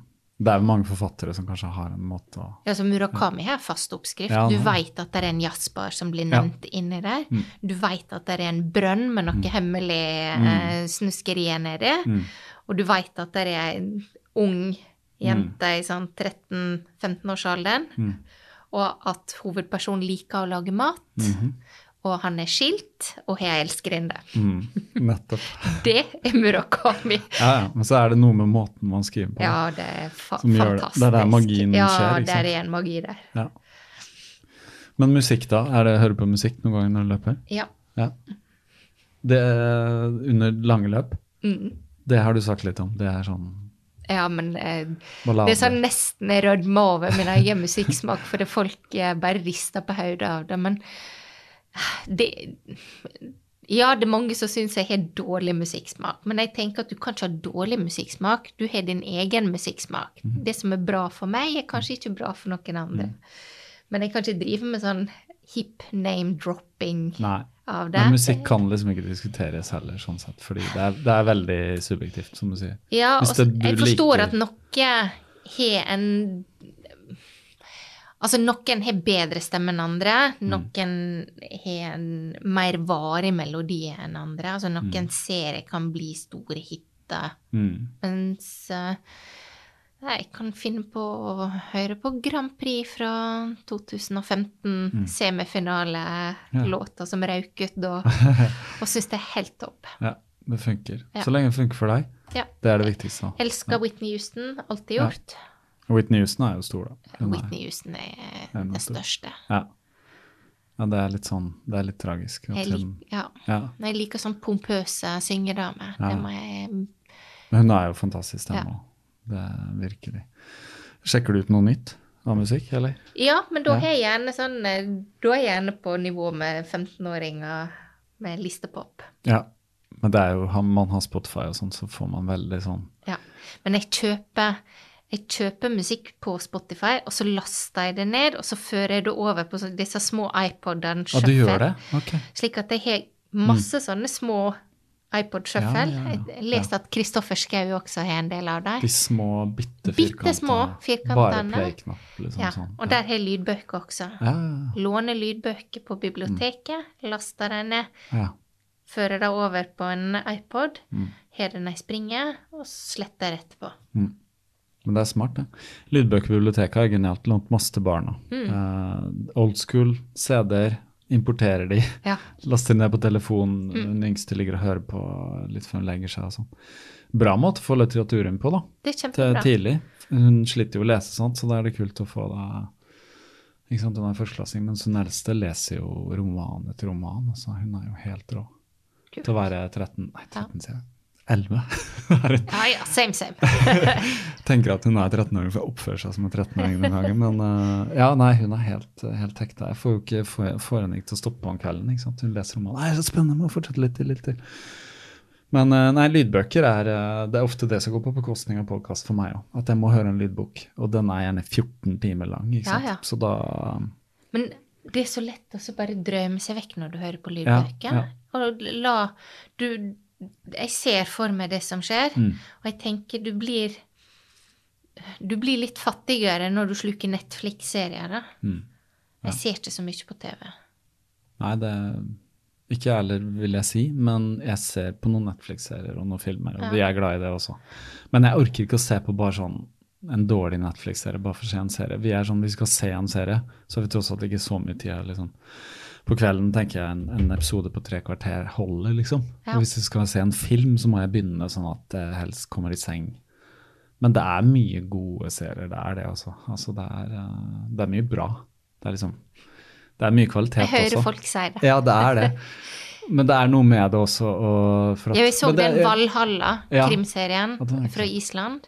Ikke sant? Nei. Eh, Den var fin. Ja. Eh, Valhalla Murders. mhm. Du liker krim? Da, litt Jeg sånn. liker krim. Ja. Jeg har sett Det- påskekrimmen nå, den tilståelsen. Ja, jeg hater den. Du hater Nei, jeg kan ikke si jeg hater den. Jeg syns den var langdryg, og så syns jeg Jeg liker lang, at det skal være løsninger, og det Mm. irriterte meg i slutten at det ikke ble bra for han eh, politi... Ja, ja. Fisher Fletcher. Litt overraskende, faktisk. Ja. Nei, det var ikke det var, Ja, det viste jo andre sider, da. Og så blir jeg så provosert over at det er liksom og Vi, snakka litt om det på turen i dag, Magnus og jeg, at det er ikke nødvendigvis de som er ærligst med seg sjøl, og som klarer å se se seg sjøl utafra, med andre sine øyne, og på en måte ha et realistisk syn på både fordeler og ulemper, altså gode sider og negative sider med seg sjøl. Det er ikke de som kommer lengst opp i et system.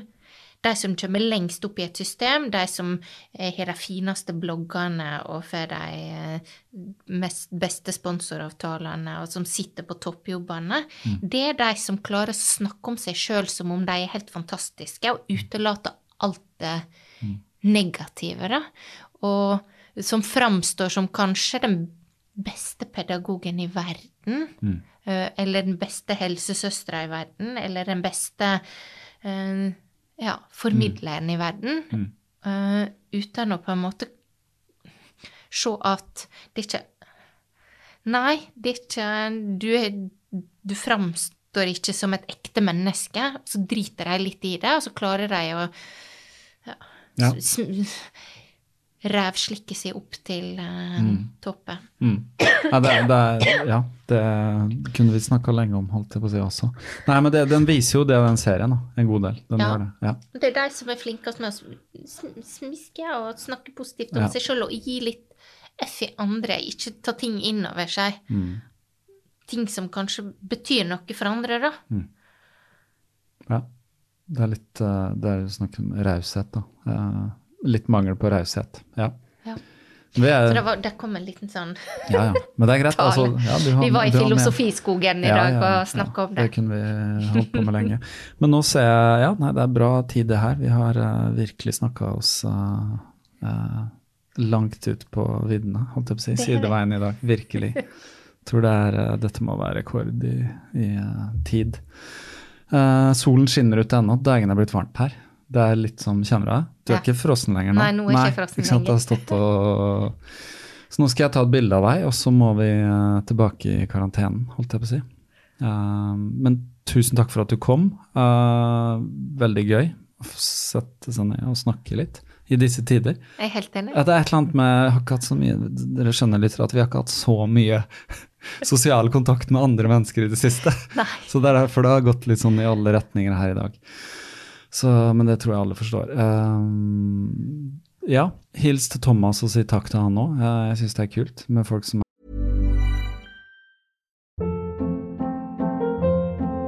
Hold up. What was that? Boring. No flavor. That was as bad as those leftovers you ate all week. Kiki Palmer here, and it's time to say hello to something fresh and guilt-free. Hello Fresh. Jazz up dinner with pecan-crusted chicken or garlic butter shrimp scampi. Now that's music to my mouth. Hello Fresh. Let's get this dinner party started. Discover all the delicious possibilities at hellofresh.com. Planning for your next trip? Elevate your travel style with Quince. Quince has all the jet setting essentials you'll want for your next getaway, like European linen, premium luggage options, buttery soft Italian leather bags, and so much more. And is all priced at 50 to 80% less than similar brands. Plus, Quince only works with factories that use safe and ethical manufacturing practices. Pack your bags with high-quality essentials you'll be wearing for vacations to come with Quince. Go to quince.com/pack for free shipping and 365-day returns. Imagine the softest sheets you've ever felt. Now imagine them getting even softer over time. That's what you'll feel with Bowl and Branch's organic cotton sheets. In a recent customer survey, 96% replied that Bowl and Branch sheets get softer with every wash. Start getting your best night's sleep in these sheets that get softer and softer for years to come. Try their sheets with a 30-night guarantee. Plus, get 15% off your first order at bowlandbranch.com. Code BUTTERY. Exclusions apply. See site for details.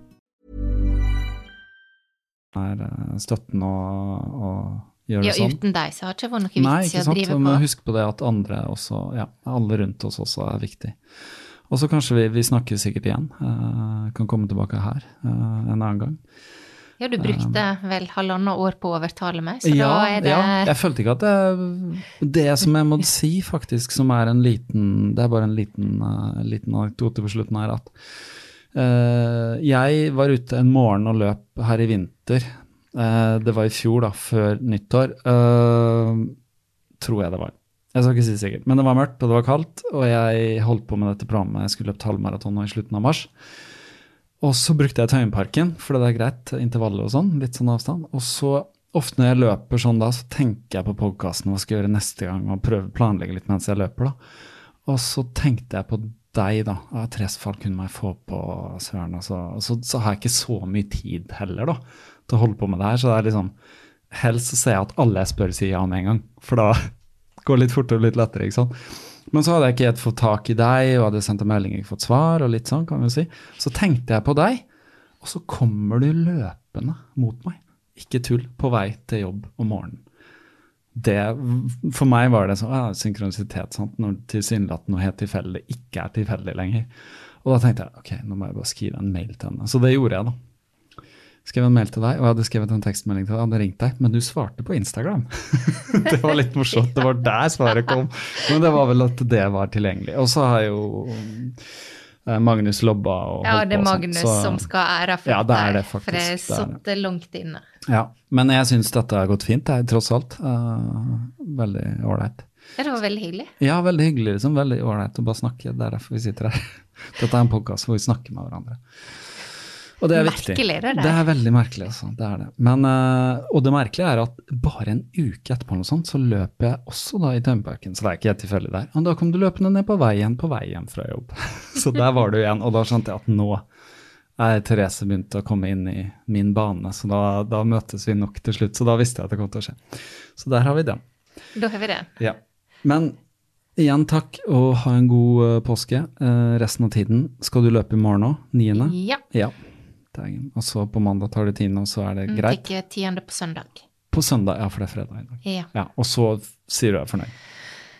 Det var for planen. Ja. ja. Da sier vi det så. Alle som kjenner deg, vet at dette går bra. Ha det godt. Takk. Ja.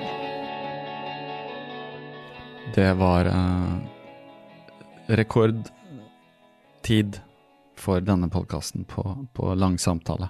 Men dere skjønte kanskje litt hvorfor det var uh, Ja, det var kanskje veldig forløsende når det først eh, skjedde. Tusen takk igjen, Magnus, for at du jobba og fikk overtalt Therese til å komme. Um, jeg håper jo Therese kan komme tilbake en annen gang, eller at noen andre kan lage en annen podkast med Therese. Er det noen andre som sitter forresten med podkastplaner, så bare begynn. Bare gjør det. Det er litt sånn Det er ikke ja, Jeg vil ikke si at det er noe mer hokus pokus å lage en podkast enn å bli en ultraløper eller å løpe ti på rad. Alle kan gjøre det hvis de bare prøver. Um, jeg mener at det burde bli flere, fordi det er mange som sitter inne med uh, talenter og potensial som de ikke får ut. Så bare just do it, som verdens uh, mest kjente slagord sier. Um, nå har det vært uh, også i påsken en del sånn virtuelle løp. Jeg ser det er mye folk som har løpt halvmaraton på raske tider og sånn, og fått medalje i posten. Kult. Jeg uh, har jo snakka om Kaptaremesterskapet virtuelt løp. Går ikke i den beste løypa, selvfølgelig. Det går jo langs Akerselva. Men det var en som tok opp uh, utfordringen og løp den tidlig om morgenen her for ikke så lenge siden. Jeg kan legge en link til det på Strava. Han het Øystein Sandvik og satt en ny bestnotering på 35 minutter. Eh, formidabel tid i den løypa.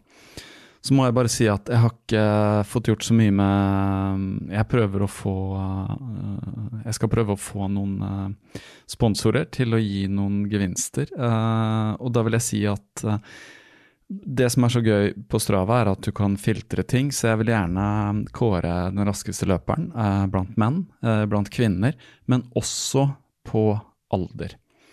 Så det er vel under 20, og så er det 20-34, og så er det 34-44, 45-54 osv. Så, videre. så eh, bare gjør det. Men uansett, det viktigste er ikke å vinne, men bare test deg selv på en kanonkul uh, 10 kilometer.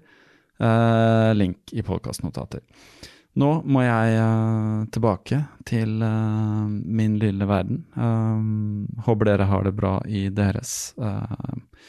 Så hører dere fra meg igjen når den tid kommer. Jeg vet ikke hva som skjer framover, for å være helt ærlig. Jeg håper at jeg kan få flere hit til studio.